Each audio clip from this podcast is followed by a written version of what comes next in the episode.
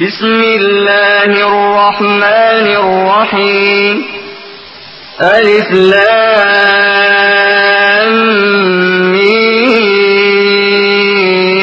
صاد. كتاب أنزل إليك فلا يكن في صدرك حرج منه لتنذر به وذكرى للمؤمنين.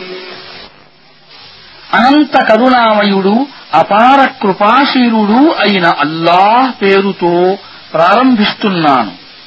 అలిఫ్ లాం meme Saad ఇది ఒక గ్రంథం. నీ వైపునకు అవతరింపజెయ్యబడింది కనుక ఓ ప్రవక్త దీనిని గురించి నీ మనస్సులో ఏ సంకోచమూ ఉండకూడదు. దీని అవతరణ ఉద్దేశ్యం ఏమిటంటే నీవు దీని ద్వారా తిరస్కారులను భయపెట్టాలని ఇది విశ్వాసులకు హితోపదేశం కావాలని اتبعوا ما أنزل إليكم من ربكم ولا تتبعوا من دونه أولياء قليلا ما تذكرون ప్రజలారా మీ ప్రభువు తరఫు నుండి మీపై అవతరింపజేయబడిన దానిని అనుసరించండి మీ ప్రభువును త్రోసిరాదని ఇతర సంరక్షకులను అనుసరించకండి కాని మీరు హితబోధను స్వీకరించటం అరుదు وكم من قرية أهلكناها فجاءها بأسنا بياتا أو هم قائلون فما كان دعواهم إذ جاءهم بأسنا إلا أن قالوا إنا كنا ظالمين మేము నాశనం చేసిన నగరాలు ఎన్నో ఉన్నాయి వాటిపై మా శిక్ష రాత్రి సమయంలో హఠాత్తుగా విరుచుకుపడింది. లేక పట్టపగలు వారు విశ్రాంతి తీసుకుంటూ ఉండగా వచ్చిపడింది. వారిపై మా శిక్ష వచ్చిపడినప్పుడు మేము నిజంగానే దుర్మార్గులము అనే రోదన తప్ప వారి నోటి నుండి మరేమీ రాలేదు.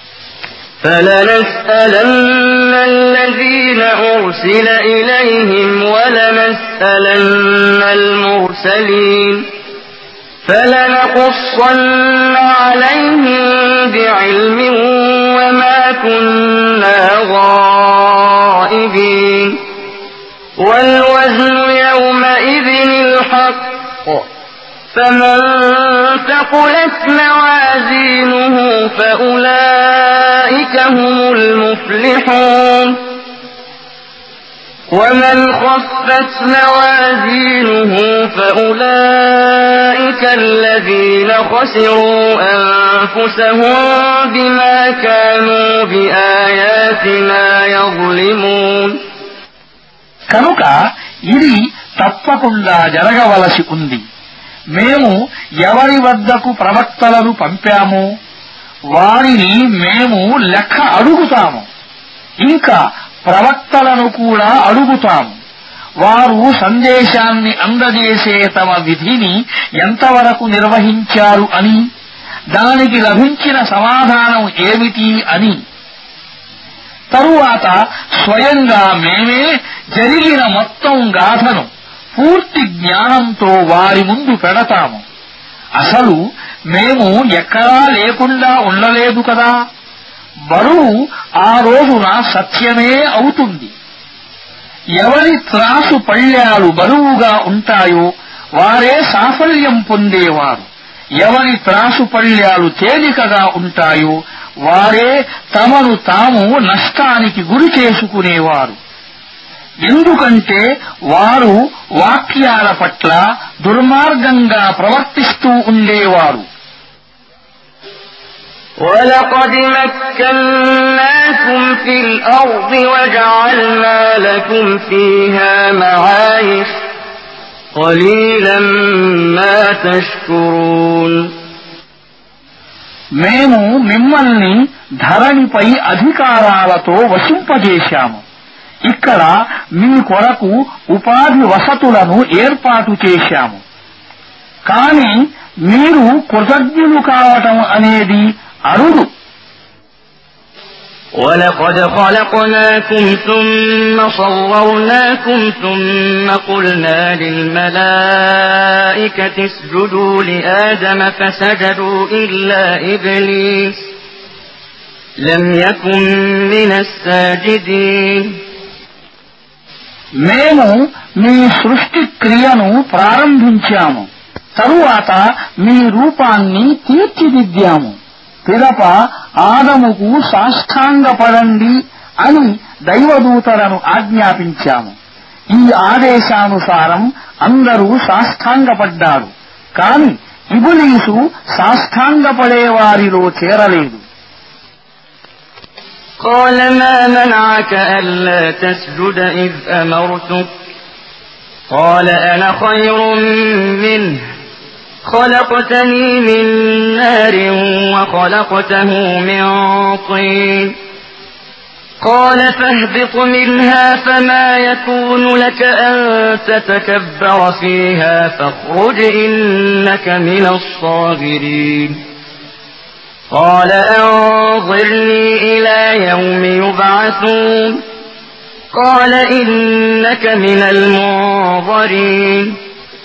قال فبما أغويتني لأقعدن لهم صراطك المستقيم. ثم لآتينهم من بين أيديهم ومن خلفهم وعن أيمانهم وعن شمائلهم ولا تجد أكثرهم شاكرين. قال اخرج منها مذءوما مدحورا. لمن تبعك منهم لأملأن جهنم منكم أجمعين ويا آدم اسكن أنت وزوجك الجنة فكلا من حيث شئتما ولا تقربا هذه الشجرة فتكونا من الظالمين అల్లాహ్ నిన్ను నేను ఆదేశించినప్పటికీ సాష్టాంగపడకుండా నిన్ను ఏ విషయం నిరోధించింది అని అడిగాడు. ఇలా పలికాడు నేను అతడి కంటే శ్రేష్ఠుణ్ణి. నీవు నన్ను అగ్నితో సృష్టించావు. అతణ్ణి మట్టితో. ఇలా సెలవిచ్చాడు సరే అయితే ఇక్కడి నుంచి కిందకు దిగు. ఇక్కడ నీ గొప్పతనాన్ని గురించి గర్వపడే హక్కు నీకు లేదు. వెళ్ళిపో. వాస్తవానికి నీవు తమ పరాభవాన్ని తామే కోరుకునే వారిలోని వాడవు. ఇలా అన్నాడు. వారందరూ మళ్ళీ లేపబడే రోజు వరకు నాకు వ్యవధి నువ్వు. ఇలా సెలవిచ్చాడు. నీకు వ్యవధి ఉంటుంది. ఇలా అన్నాడు. అలాగే నీవు నన్ను మార్గభ్రష్టత్వానికి గురి చేసినట్లు నేను కూడా నీ రుజుమార్గంపై ఈ మానవుల కొరకు మాటు వేసి కూర్చుంటాను. వెనుక ముందు కుడి ఎడమ అన్ని వైపుల నుండి వారిని చుట్టుముట్టుతాను. వారిలో అధిక సంఖ్యాకులను కృతజ్ఞులుగా చూడవు. ఇలా సెలవిచ్చాడు. వెళ్ళిపో ఇక్కడి నుంచి నీచుడవై తిరస్కృతుడవై. వారిలో నిన్ను అనుసరించే వారందరితో నిన్ను కలిపి నరకాన్ని నింపుతాను. దీనిని నమ్ము. ఆదం నీవు నీ భార్య ఇద్దరూ ఈ స్వర్గములో నివసించండి. ఎక్కడ ఏ వస్తువును మీ మనస్సు కోరినా దానిని తినండి. కాని ఈ వృక్షం దరిదాపులకు కూడా పోవద్దు. ఒకవేళ పోయినట్లయితే దుర్మార్గులలో కలసిపోతారు.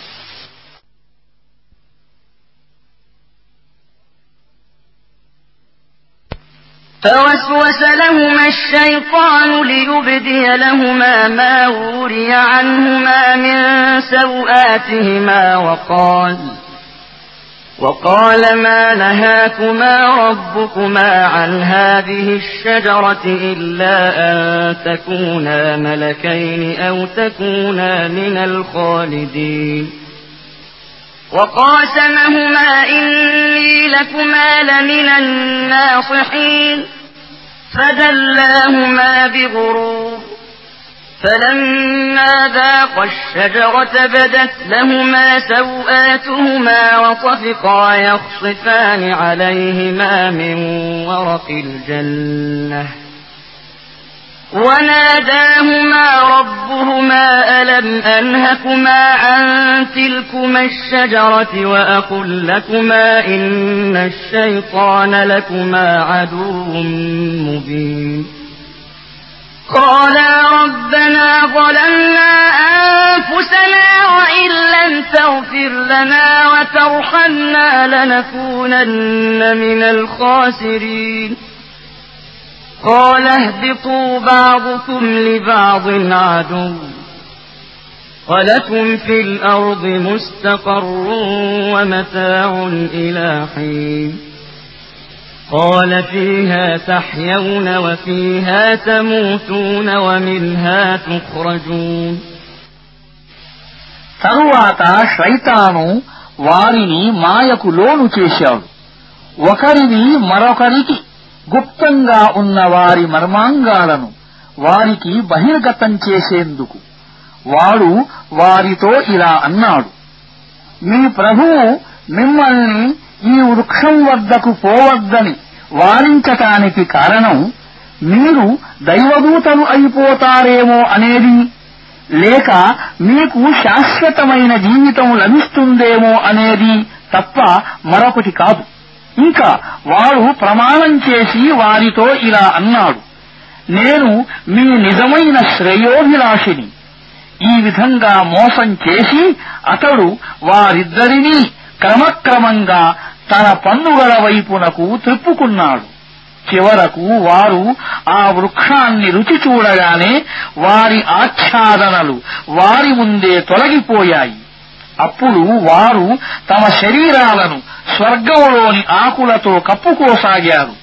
తరువాత వారి ప్రభువు వారిని పిలిచి ఇలా అన్నాడు నేను ఆ చెట్టు వద్దకు పోవద్దని మిమ్మల్ని వారించలేదా? సైతాను మీకు బహిరంగ శత్రువని చెప్పలేదా? వారు ఉభయులు ఇలా వేడుకున్నారు ప్రభూ మాకు మేము అన్యాయం చేసుకున్నాము. నీవు గనక మమ్మల్ని మన్నించకపోతే కనికరించకపోతే మేము నిశ్చయంగా సర్వనాశనం అయిపోతాము. ఇలా అన్నాడు. దిగిపోండి. మీరు ఒకరికొకరు శత్రువులు. ఒక నిర్ణీత కాలం వరకు మీకు భూమిలోనే నివాసము ఉపాధి సదుపాయాలు ఉంటాయి. ఇంకా ఇలా అన్నాడు. మీరు అక్కడే జీవిస్తారు. అక్కడే మరణిస్తారు.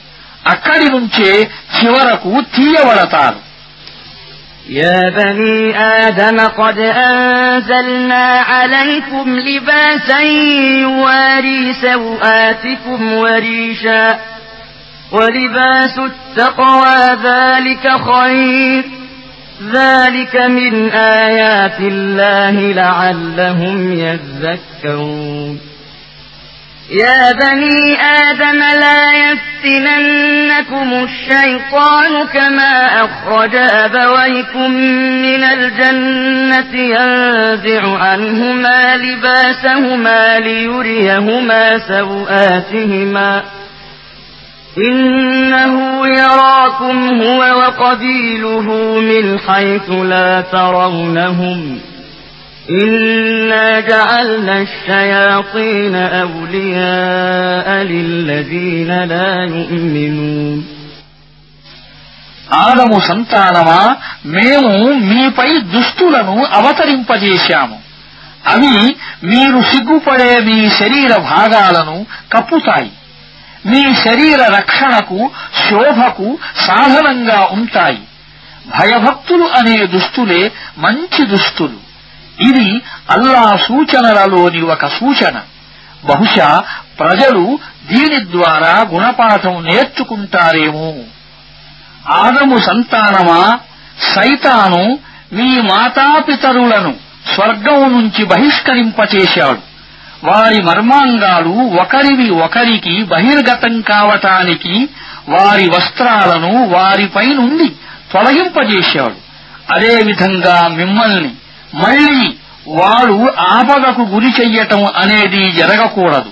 అతడు అతడి సహచరులు మీరు వారిని చూడలేని ప్రదేశం నుండి మిమ్మల్ని చూస్తారు. మేము ఈ సైతానులను విశ్వసించని వారికి సంరక్షకులుగా చేశాము. وإذا فعلوا فاحشة قالوا وجدنا عليها آباءنا والله أمرنا بها قل إن الله لا يأمر بالفحشاء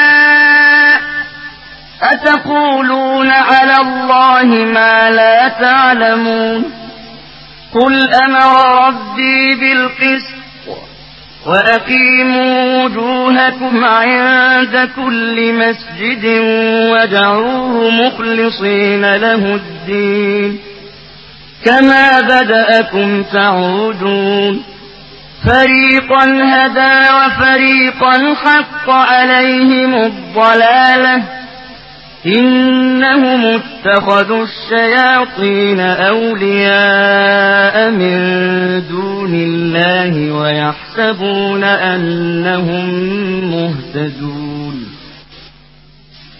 ఏదైనా సిగ్గుమాలిన పని చేసినప్పుడు ఈ ప్రజలు ఏమంటారంటే ఈ పద్ధతినే మా తాత ముత్తాతలు అవలంబిస్తూ ఉండగా మేము చూశాము ఇలా చెయ్యండి అని అల్లాయే మమ్మల్ని ఆదేశించాడు. వారితో ఇలా అను. సిగ్గుమాలిన పనిని అల్లా ఎన్నటికీ ఆదేశించడు. అల్లా తరఫు నుండి వచ్చాయని మీకు తెలియని ఆ విషయాలను మీరు అల్లా పేరుతో ప్రకటిస్తున్నారేమిటి? ప్రవక్త వారితో ఇలా అను. నా ప్రభు సత్యాన్ని న్యాయాన్ని ఆదేశించాడు.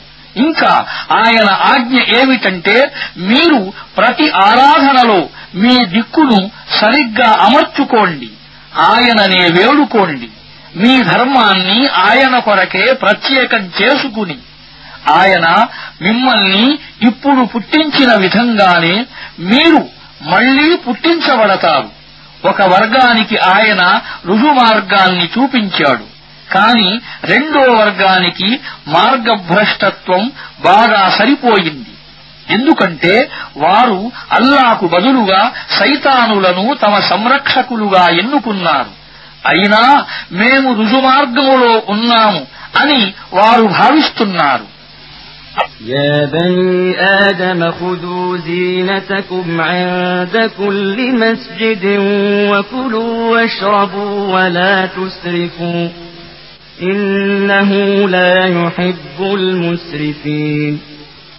ఆదము సంతానమా ప్రతి ఆరాధనా సమయములో మీ వస్త్రాలంకరణ పట్ల శ్రద్ధ వహించండి తినండి త్రాగండి మితిమీరకండి అల్లా మితిమీరే వారిని ప్రేమించడు قل من حرم زينة الله التي أخرج لعباده والطيبات من الرزق قل هي للذين آمنوا في الحياة الدنيا خالصة يوم القيامة كذلك نفصل الآيات لقوم يعلمون ప్రవక్త వారితో ఇలా అను అల్లా తన దాసుల కొరకు ఉద్భవింపజేసిన మంచి వస్త్రాలను ఎవరు నిషేధించారు ఇంకా అల్లా ప్రసాదించిన పరిశుద్ధ వస్తువులను నిషేధించింది ఎవరు? ఇలా అను. ఈ వస్తువులన్నీ ఇహలోక జీవితంలో కూడా విశ్వాసుల కొరకే. ప్రళయం నాడు ప్రత్యేకంగా వారి కొరకు మాత్రమే. జ్ఞానం కలవారి కొరకు ఈ విధంగా మేము మా మాటలను స్పష్టంగా చెబుతున్నాము. قل إنما حرم ربي الفواحش ما ظهر منها وما بطن والإثم والبغي بغير الحق والإثم والبغي بغير الحق وأن تشركوا بالله ما لم ينزل به سلطانا وأن تشركوا بالله ما لم ينزل به سلطانا وأن تقولوا على الله ما لا تعلمون ప్రవక్త వారితో ఇలా అను నా ప్రభువు నిషేధించినవి ఇవి సిగ్గుమాలిన పనులు బహిరంగమైనవి కాని లేక గుప్తమైనవి కాని పాపాలు సత్యానికి వ్యతిరేకంగా మేరమేరటం అల్లాహ్ ఏ ప్రమాణాన్ని అవతరింపజేయకపోయినా మీరు ఇతరులను అల్లాకు భాగస్వాములుగా కల్పించటం వాస్తవంగా అల్లాయే అన్నాడని మీకు తెలియని విషయాన్ని మీరు అల్లా పేరుతో చెప్పటం ولكل أمة أجل فإذا جاء أجلهم لا يستأخرون ساعة ولا يستقدمون يا بني آدم إما يأتينكم رسل منكم يقصون عليكم آياتي فمن اتقى وأصلح فلا خوف عليهم فمن اتقى وأصلح فلا خوف عليهم ولا هم يحزنون. والذين كذبوا بآياتنا واستكبروا عنها أولئك أصحاب النار هم فيها خالدون. فمن أظلم ممن افترى على الله كذبا أو كذب بآياته أولئك ينالهم نصيبهم من الكتاب حتى إذا جاءتهم رسلنا يتوفونهم قالوا قالوا أين ما كنتم تدعون من دون الله؟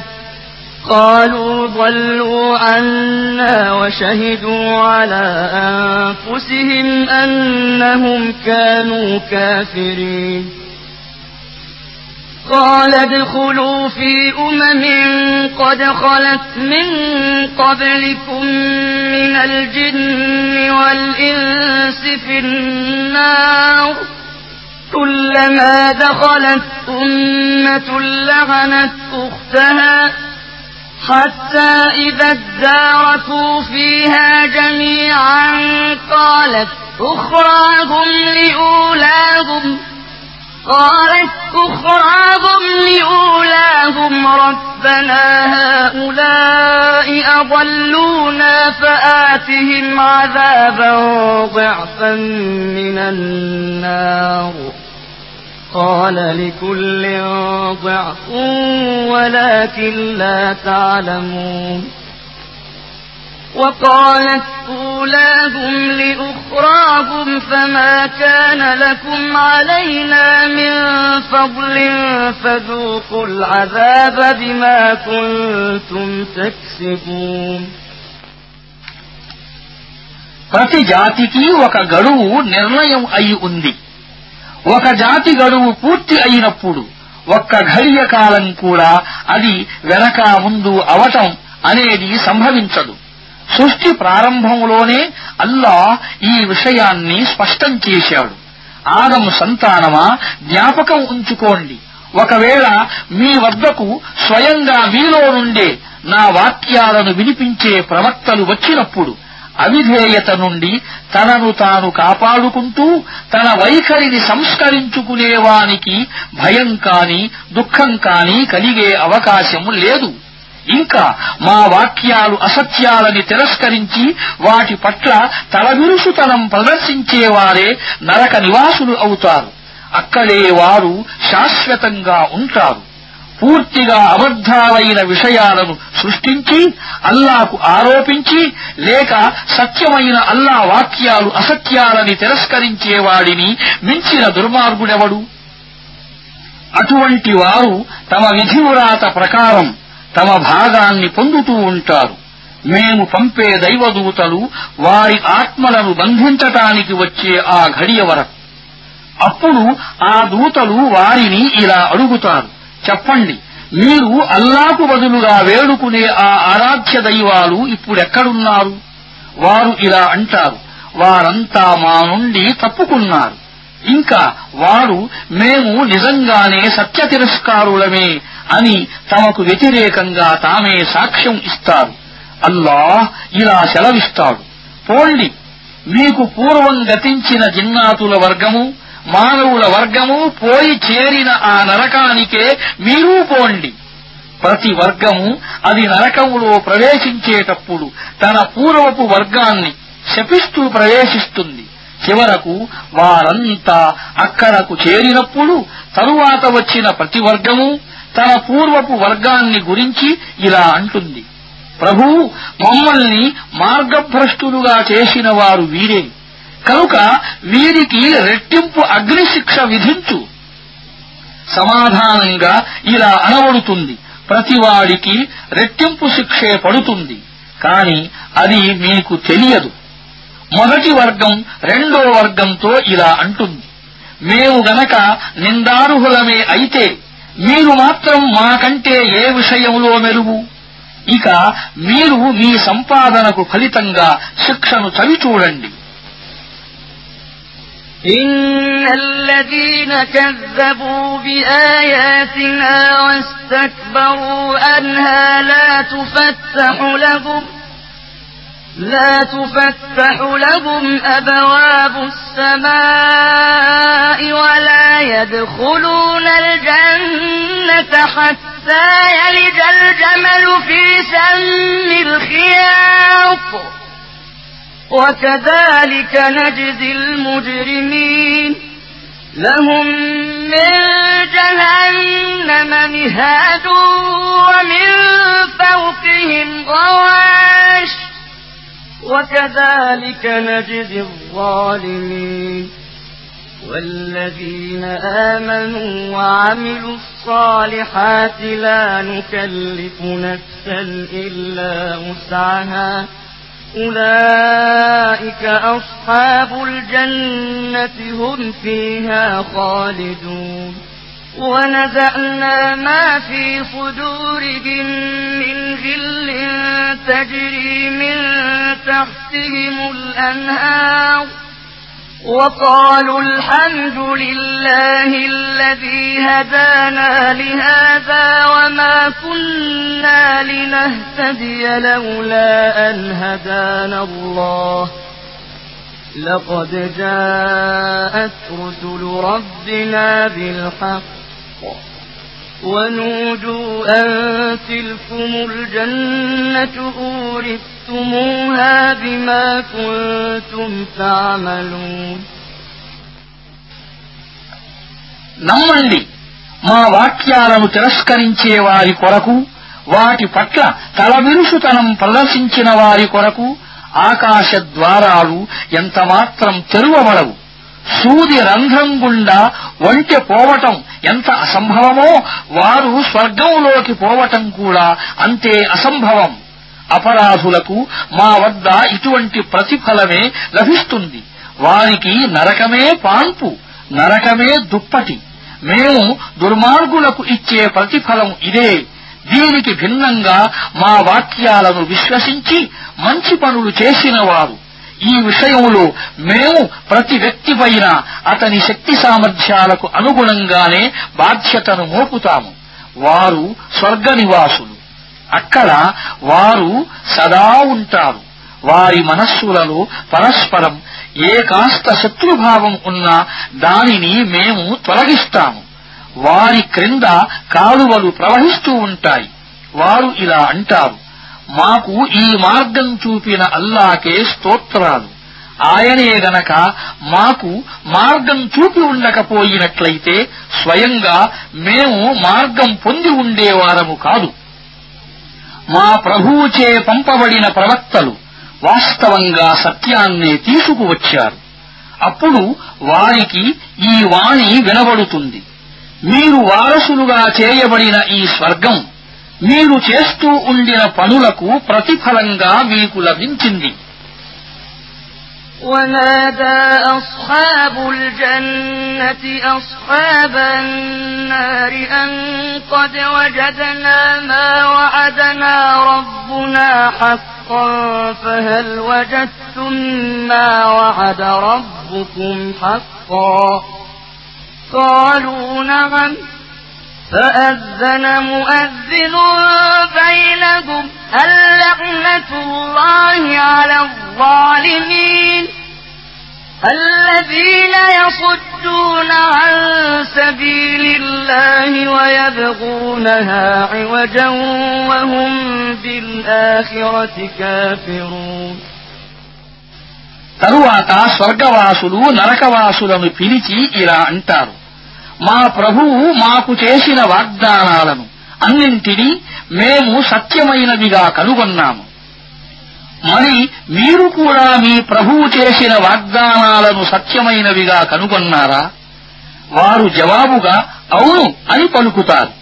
అప్పుడు ప్రకటించేవాడొకడు వారి మధ్య ఇలా ప్రకటిస్తాడు.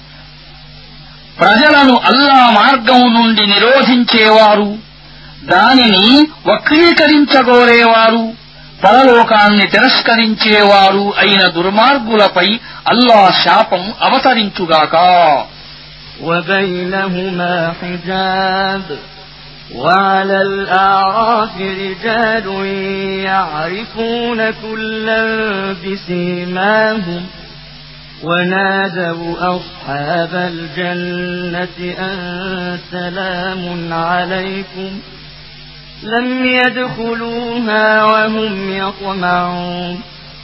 وإذا صرفت أبصارهم تلقاء أصحاب النار قالوا ربنا لا تجعلنا مع القوم الظالمين. ونادى أصحاب الأعراف رجالا يعرفونهم بسيماهم قالوا ما أغنى عنكم جمعكم وما كنتم تستكبرون أهؤلاء الذين أقسمتم لا ينالهم الله برحمة ادخلوا الجنة لا خوف عليكم ولا أنتم تحزنون ఈ ఉభయ వర్గాల మధ్య ఒక తెర అడ్డుగా నిలుస్తుంది దాని యొక్క ఎత్తైన ప్రదేశాలపై మరికొందరు ప్రజలు ఉంటారు వారు ప్రతి ఒక్కళ్ళీ అతని ముఖాకృతిని బట్టి గుర్తుపడతారు స్వర్గవాసులను పిలిచి మీకు శాంతి కలుగుగాక అని అంటారు. వారు స్వర్గంలోకి ప్రవేశించనేలేదు కాని దానిని ఆశిస్తున్నారు. వారి దృష్టి నరకవాసుల వైపునకు మళ్ళినప్పుడు ఇలా అంటారు. ప్రభువు మమ్మల్ని మటుకు ఈ దుర్మార్గులలో చేర్చకు. తరువాత ఎత్తైన ప్రదేశాలపై ఉన్న ఈ ప్రజలు నరకంలో ఉన్న కొందరు పెద్ద మనుషులను వారి ఆనవాళ్ళ ద్వారా గుర్తుపట్టి ఇలా అంటారు. చూశారా మీరు? మీ అనుచర వర్గాలు గాని మీరు గొప్పగా భావించిన ఆస్తిపాస్తులు గాని ఈ రోజు మీకు ఏ విధంగానూ పనికిరాలేదు కదా? మీరు వీరికి అల్లా తన కారుణ్యాన్ని ఏమాత్రం ప్రసాదించడు అని ప్రమాణాలు చేసి అంటూ ఉండిన వారే కదా ఈ స్వర్గనివాసులు. ఈ రోజు వారితోనే స్వర్గంలో ప్రవేశించండి మీకు భయం కాని దుఃఖం కాని లేదు అని అనటం జరిగింది ونادى أصحاب النار أصحاب الجنة أن أفيضوا علينا من الماء أو مما رزقكم الله قالوا إن الله حرمهما على الكافرين. الذين اتخذوا دينهم لهوا ولعبا وغرتهم الحياة الدنيا. فاليوم ننساهم كما نسوا لقاء يومهم هذا وما كانوا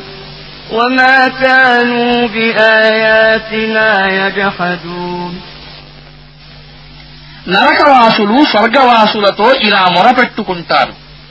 కాస్త దయచేసి మాపైని కొద్దిగా నీళ్ళు పొయ్యండి లేదా అల్లా మీకు ప్రసాదించిన ఆహారములో నుంచైనా కొంత ఇటు విసరండి.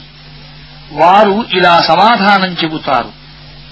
ఈ రెంటినీ అల్లాహ్ సత్య తిరస్కారులకు నిషేధించాడు. వారు తమ ధర్మాన్ని ఒక క్రీడగా ఒక కాలక్షేపంగా చేసుకున్నారు. ఇంకా వారిని ఇహలోక జీవితం మోసానికి గురి చేసింది. అల్లా ఇలా సెలవిస్తాడు. వారు ఈనాటి సమావేశాన్ని మరచి ఉండిన విధంగానే మా వాక్యాలను తిరస్కరిస్తూ ఉండిన విధంగానే మేము వారిని ఈనాడు మరచిపోతాము. ولقد جئناهم بكتاب فصلناه على علم هدى ورحمة لقوم يؤمنون. هل ينظرون إلا تأويله؟ يوم يأتي تأويله يقول الذين نسوه من قبل. يقول الذين نسوه من قبل قد جاءت رسل ربنا بالحق فهل لنا فهل لنا من شفعاء فيشفعوا لنا أو نرد فنعمل غير الذي كنا نعمل قد خسروا أنفسهم وضل عنهم ما كانوا يفترون మేము ఈ ప్రజల వద్దకు ఒక గ్రంథాన్ని తీసుకువచ్చాము దానిని మేము జ్ఞానం ఆధారంగా సవివరమైనదిగా చేశాము అది విశ్వాసులకు మార్గదర్శకత్వం కారుణ్యం ఇక వీరు ఈ గ్రంథం తెలియజేసే ముగింపు కోసం కాక మరేదైనా విషయం కొరకు నిరీక్షిస్తున్నారా? ఆ ముగింపు వచ్చే రోజున దానిని నిర్లక్ష్యం చేస్తూ వచ్చిన వారే ఇలా అంటారు. యథార్థంగానే మా ప్రభువు పంపిన ప్రవక్తలు సత్యాన్ని తీసుకుని వచ్చారు. అయితే మా కొరకు సిఫారసు చెయ్యటానికి సిఫారసుదారులెవరైనా మాకు లభిస్తారా? లేదా మేము మళ్ళీ తిరిగి పంపబడగలమా? పూర్వం మేము చేస్తూ ఉండిన దానికి బదులుగా ఇప్పుడు మరొక పద్ధతి ప్రకారం పనిచేసి చూపించటానికి? వారు తమను తాము నష్టంలో పడవేసుకున్నారు. వారు సృష్టించిన అసత్యాలు సమస్తము ఈ రోజు వారి నుండి తప్పుకున్నాయి. إن ربكم الله الذي خلق السماوات والأرض في ستة أيام ثم استوى على العرش يغشي الليل النهار يطلبه حثيثا والشمس والقمر والنجوم مسخرات بأمره ألا له الخلق والأمر تبارك الله رب العالمين. ادعوا ربكم تضرعا وخفية إنه لا يحب المعتدين. ولا تفسدوا في الأرض بعد إصلاحها وادعوه خوفا وطمعا. إن رحمة الله قريب من المحسنين వాస్తవంగా మీ ప్రభువు అల్లాయే ఆయన ఆకాశాలను భూమిని ఆరు దినాలలో సృష్టించాడు తరువాత తన రాజ్య పీఠాన్ని అలంకరించాడు రాత్రిని పగటిపై కప్పివేస్తాడు ఆ తరువాత పగలు రాత్రి వెంట పరుగు తీస్తూ ఉంటుంది ఇంకా ఆయన సూర్యుణ్ణి చంద్రుణ్ణి నక్షత్రాలను పుట్టించాడు. అన్నీ ఆయన ఆజ్ఞకు కట్టుబడి ఉన్నాయి. తెలుసుకోండి సృష్టి ఆయనదే. దానిపై ఆధిపత్యమూ ఆయనదే. అల్లా అనంతమైన శుభాలు కలవాడు. సకల లోకాలకు ప్రభువు స్వామి. మీ ప్రభువును వేడుకోండి. విలపిస్తూను గోప్యంగాను. నిశ్చయంగా ఆయన మితిమీరి వెలిగే వారిని ప్రేమించడు. ధరణి సంస్కరణ జరిగిన తరువాత దానిపై సంక్షోభాన్ని సృష్టించకండి దేవుడినే వేడుకోండి భయంతోనూ ఆశతోనూ నిశ్చయంగా అల్లా కారుణ్యం రుజువర్తనులకు దాపులోనే ఉంది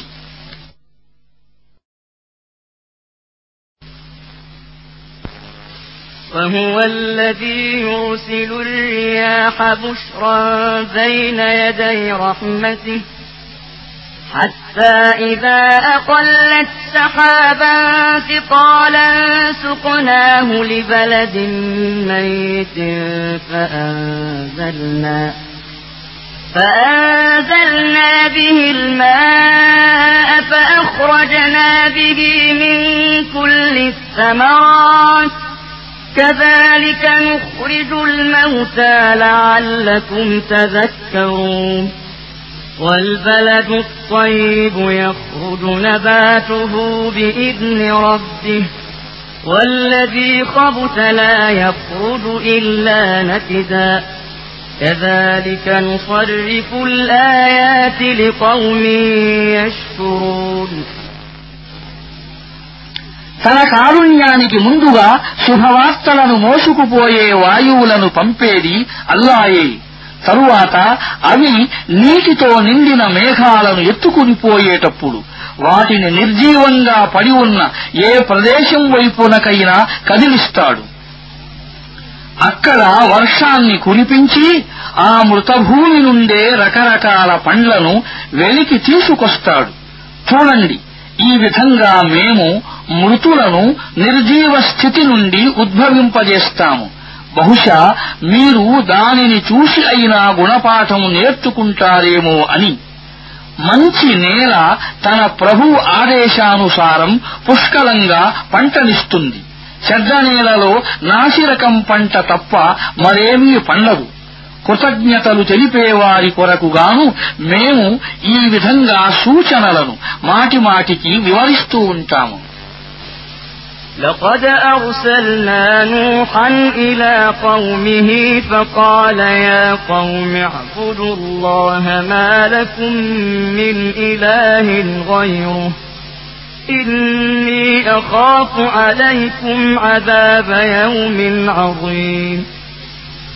قال الملأ من قومه إنا لنراك في ضلال مبين. قال يا قوم ليس بي ضلالة ولكني رسول من رب العالمين. أبلغكم رسالات ربي وأنصح لكم وأعلم من الله ما لا تعلمون.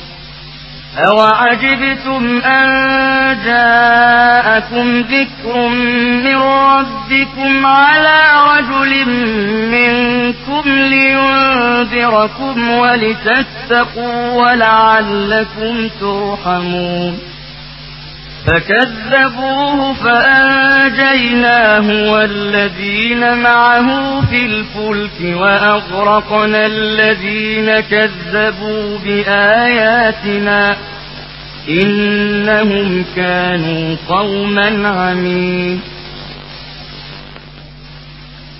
మేము నూహును అతని జాతి వద్దకు పంపాము అతను ఇలా అన్నాడు నా జాతి సోదరులారా అల్లాను ఆరాధించండి. ఆయన తప్ప మీకు మరొక దేవుడు లేడు. మీ విషయంలో ఒక భయంకర దినం నాటి శిక్షను గురించి నేను ఆందోళన పడుతున్నాను. ఆయన జాతి సర్దారులు ఇలా పలికారు. నీవు స్పష్టమైన అపమార్గానికి గురి అయినట్లు మాకు కనిపిస్తున్నది. నూహు ఇలా అన్నాడు. నా జాతి సోదరులారా నేను ఏ అపమార్గంలోనూ పడలేదు. యథార్థానికి నేను సకలలోక ప్రభువునకు ప్రవక్తను. నా ప్రభువు సందేశాలను మీకు అందజేస్తాను. మీ శ్రేయోభిలాషిని మీకు తెలియని విషయాలు నాకు అల్లా తరఫు నుండి తెలుసు. మీకు ఆశ్చర్యం కలిగిందా? మీ వద్దకు స్వయంగా మీ జాతికి చెందిన ఒక మనిషి ద్వారా మీ ప్రభువు జ్ఞాపిక వచ్చిందని?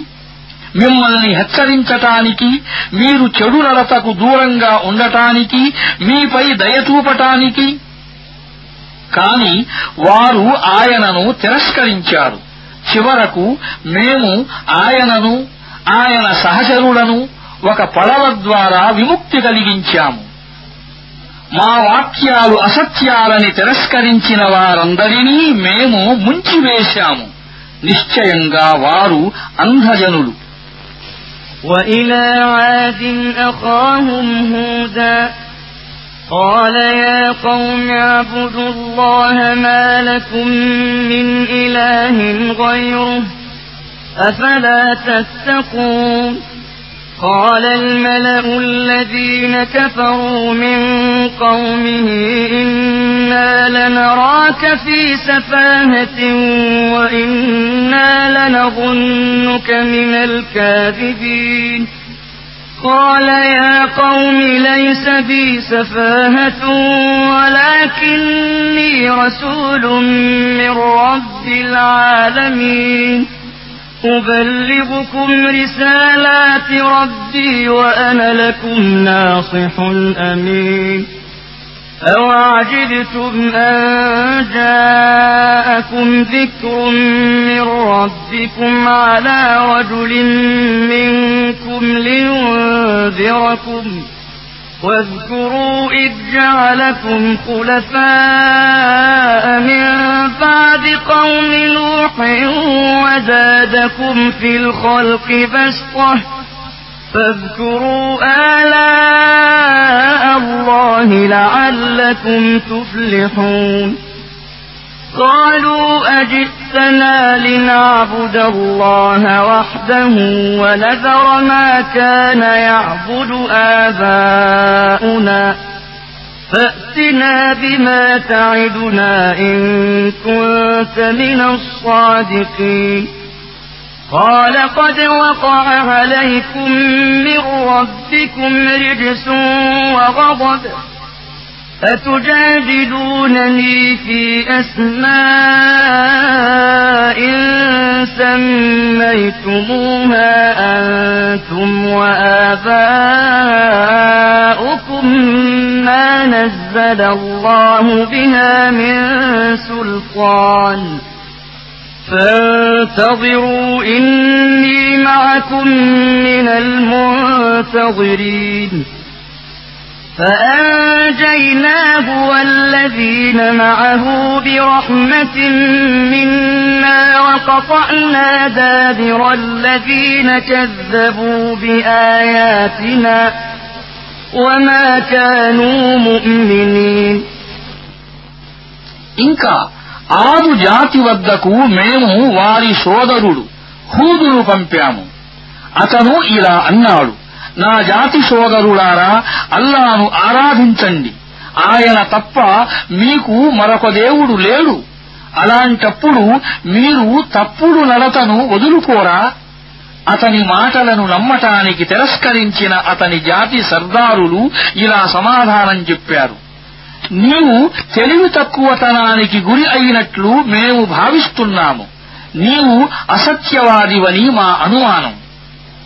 అతను ఇలా అన్నాడు నా జాతి సోదరులారా నేను తెలివి తక్కువతనానికేమీ గురి కాలేదు. నేను సకల లోకాల ప్రభువునకు ప్రవక్తను.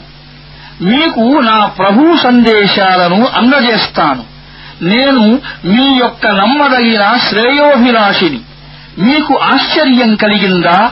మీ వద్దకు మిమ్మల్ని హెచ్చరించటానికి స్వయంగా మీ జాతికి చెందిన ఒక మనిషి ద్వారా మీ ప్రభువు జ్ఞాపిక వచ్చిందని? మరచిపోకండి. మీ ప్రభువు నూహు జాతికి తరువాత మిమ్మల్ని వారసులుగా చేశాడు. మీకు బలాధిక్యతను ప్రసాదించాడు. కనుక అల్లా శక్తి మహిమలను జ్ఞాపకం ఉంచుకోండి. మీరు సాఫల్యం పొందగలరని ఆశించవచ్చు. వారు ఇలా జవాబు ఇచ్చారు. నీవు మా వద్దకు రావటానికి కారణం మేము ఒక్క అల్లానే ఆరాధించాలనా? మా తాత ముత్తాతలు పూజిస్తూ వచ్చిన వాటిని విసర్జించాలనా? సరే నీవు నిజం చెప్పేవాడివే అయితే నీవు మమ్మల్ని బెదిరిస్తూ ఉన్న ఆ శిక్షను తీసుకురా. అతను ఇలా అన్నాడు. మీపై మీ ప్రభువు శాపం ఆయన ఆగ్రహం ఇదివరకే విరుచుకుపడ్డాయి. అల్లాహ్ ఏ ప్రమాణాన్ని పంపని మీరు మీ తాత ముత్తాతలు పెట్టుకున్న పేర్ల విషయంలో మీరు నాతో ఘర్షణ పడుతున్నారా? సరే అయితే మీరు నిరీక్షించండి. మీతో పాటు నేను నిరీక్షిస్తాను. చివరకు మేము మా కృపతో హూదును అతని అనుయాయులను రక్షించుకున్నాము.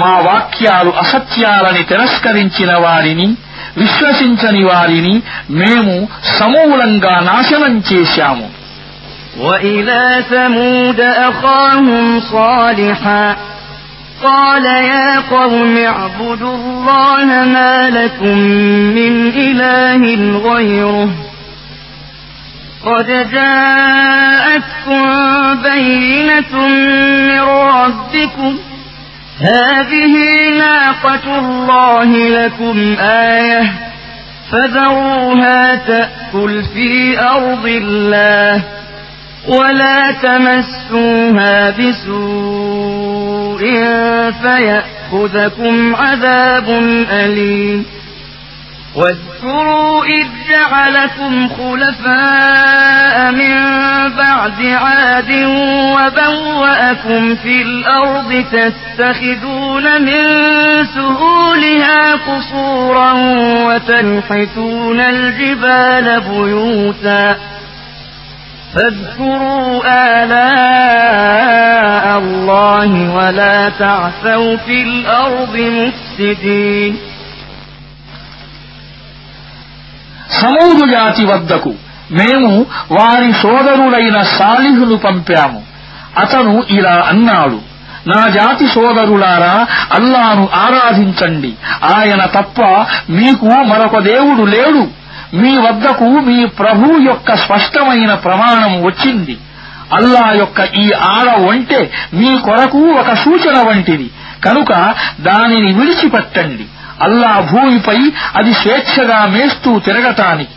దురుద్దేశ్యంతో దానిని ముట్టుకోకండి. అలా చేస్తే మిమ్మల్ని వ్యధాభరితమైన శిక్ష ఒకటి పట్టుకుంటుంది. జ్ఞాపకం తెచ్చుకోండి ఆ సమయాన్ని. అప్పుడు అల్లా ఆరు జాతి తరువాత మిమ్మల్ని దానికి వారసులుగా చేశాడు. మీకు భూమిపై ఉన్నతమైన స్థానాన్ని ప్రసాదించగా మీరు ఈరోజు దాని చదువైన మైదానాలలో మహోన్నతమైన భవనాలను నిర్మిస్తున్నారు. దాని కొండలను గృహాలుగా చెక్కుతున్నారు. కనుక ఆయన సృష్టి మహిమలను నిర్లక్ష్యం చెయ్యకండి. ధరణిపై సంక్షోభాన్ని సృష్టించకండి. قال الملأ الذين استكبروا من قومه للذين استضعفوا لمن آمن منهم أتعلمون أن صالحا مرسل من ربه؟ قالوا إنا بما أرسل به مؤمنون. قال الذين استكبروا إنا بالذي آمنتم به كافرون పెద్ద మనుషులుగా చలామణి అయ్యే అతని జాతి సర్దారులు బలహీన వర్గాలలోని విశ్వసించిన ప్రజలను ఇలా అడిగారు సాలిహ్ తన ప్రభువు పంపిన ప్రవక్త అని మీకు నిజంగానే తెలుసా వారు ఇలా సమాధానం ఇచ్చారు. నిస్సందేహంగా అతనితో పంపబడిన సందేశాన్ని మేము విశ్వసిస్తున్నాము. తమ పెద్దరికాన్ని చాటుకునేవారు ఇలా అన్నారు. మీరు విశ్వసించిన దానిని మేము తిరస్కరిస్తున్నాము. فعقروا الناقة وعتوا عن أمر ربهم وقالوا يا صالح ائتنا بما تعدنا إن كنت من المرسلين.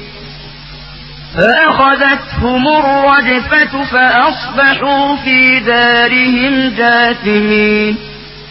فتولى عنهم وقال يا قوم لقد أبلغتكم رسالة ربي ونصحت لكم ولكن لا تحبون الناصحين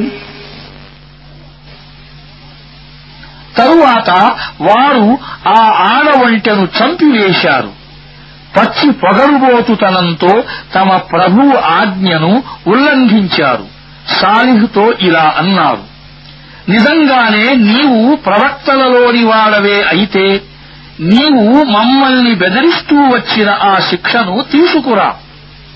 చివరకు ఊపివేసే ఒక భయంకరమైన ఆపద వారిని చుట్టుముట్టింది. వారు తమ ఇళ్ళల్లోనే బోర్లా పడి పడినట్లే ఉండిపోయారు. సాలిహ్ ఈ విధంగా అంటూ వారి నగరాల నుండి నిష్క్రమించాడు. నా జాతి ప్రజలారా నేను నా ప్రభువు సందేశాన్ని మీకు అందజేశాను. నేను మీ శ్రేయస్సునే సదా అభిలషించాను. కాని నేనేం చేసేది? మీకు మీ శ్రేయోభిలాషులంటేనే ఇష్టం లేదు. ولوطا إذ قال لقومه أتأتون الفاحشة ما سبقكم بها من أحد من العالمين إنكم لتأتون الرجال شهوة من دون النساء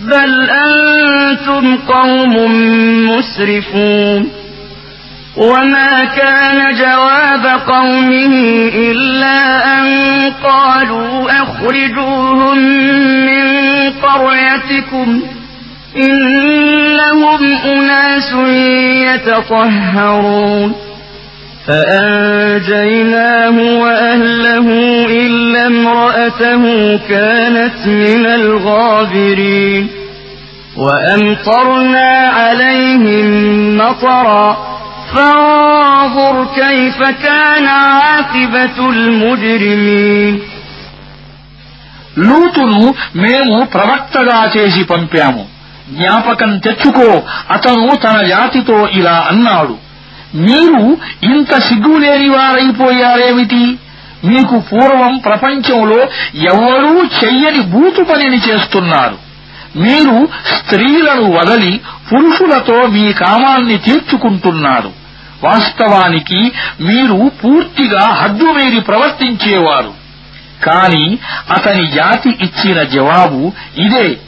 గంటయ్యండి వీళ్ళను మీ బస్తీల నుండి.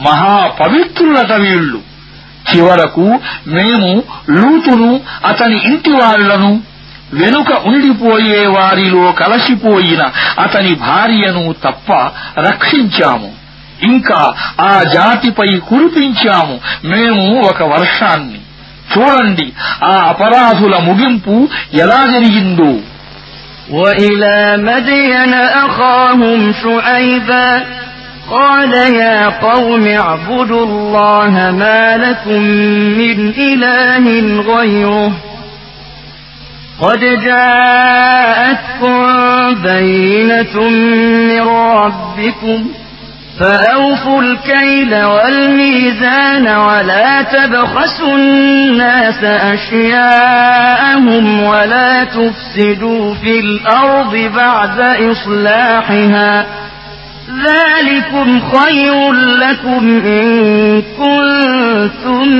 مؤمنين ولا تقعدوا بكل صراط توعدون وتصدون عن سبيل الله من آمن به وتبغونها عوجا.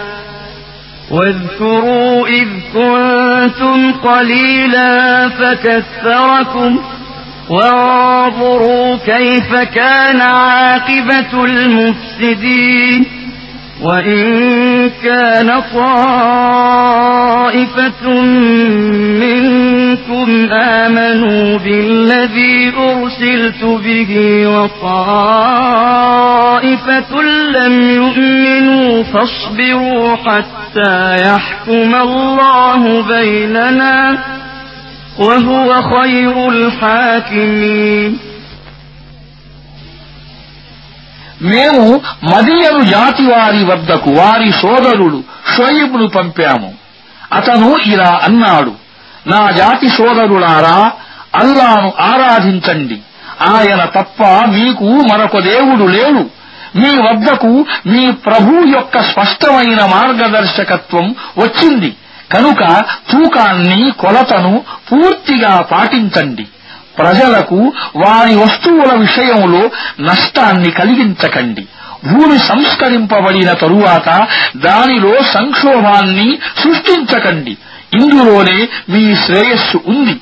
మీరు నిజంగానే విశ్వాసులే అయితే ప్రజలను భయపెట్టటానికి విశ్వసించే వారిని అల్లా మార్గం నుండి నిరోధించటానికి రుజుమార్గ వక్రీకరణకు పాల్పడి జీవితపు ప్రతి మార్గంలో బందిపోటు దొంగలు వాదిరిగా పొంచి కూర్చోకండి.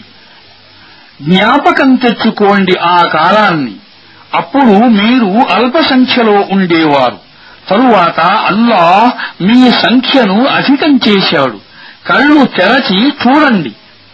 సంక్షోభం సృష్టించిన వారి పర్యవసానం ప్రపంచంలో ఏమైందో ఏ ఉపదేశాన్ని ఇచ్చి నన్ను పంపటం జరిగిందో దానిని మీలోని ఒక వర్గం విశ్వసించి మరొక వర్గం విశ్వసించకపోతే అల్లాహ్ మన మధ్య తీర్పు చెప్పే వరకు సహనంతో నిరీక్షించండి. ఆయనే అందరికంటే ఉత్తమంగా తీర్పు చెప్పేవాడు.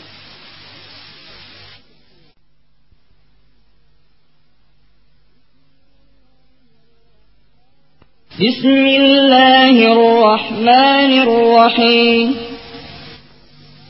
قال الملأ الذين استكبروا من قومه لنخرجنك يا شعيب والذين آمنوا معك من قريتنا أو لتعودن في ملتنا قال أولو كنا كارهين قد افترينا على الله كذبا إن عدنا في ملتكم بعد إذ نجانا الله منها وما يكون لنا أن نعود فيها إلا أن يشاء الله ربنا وسع ربنا كل شيء علما على الله توكلنا ربنا افتح بيننا وبين قومنا بالحق وأنت خير الفاتحين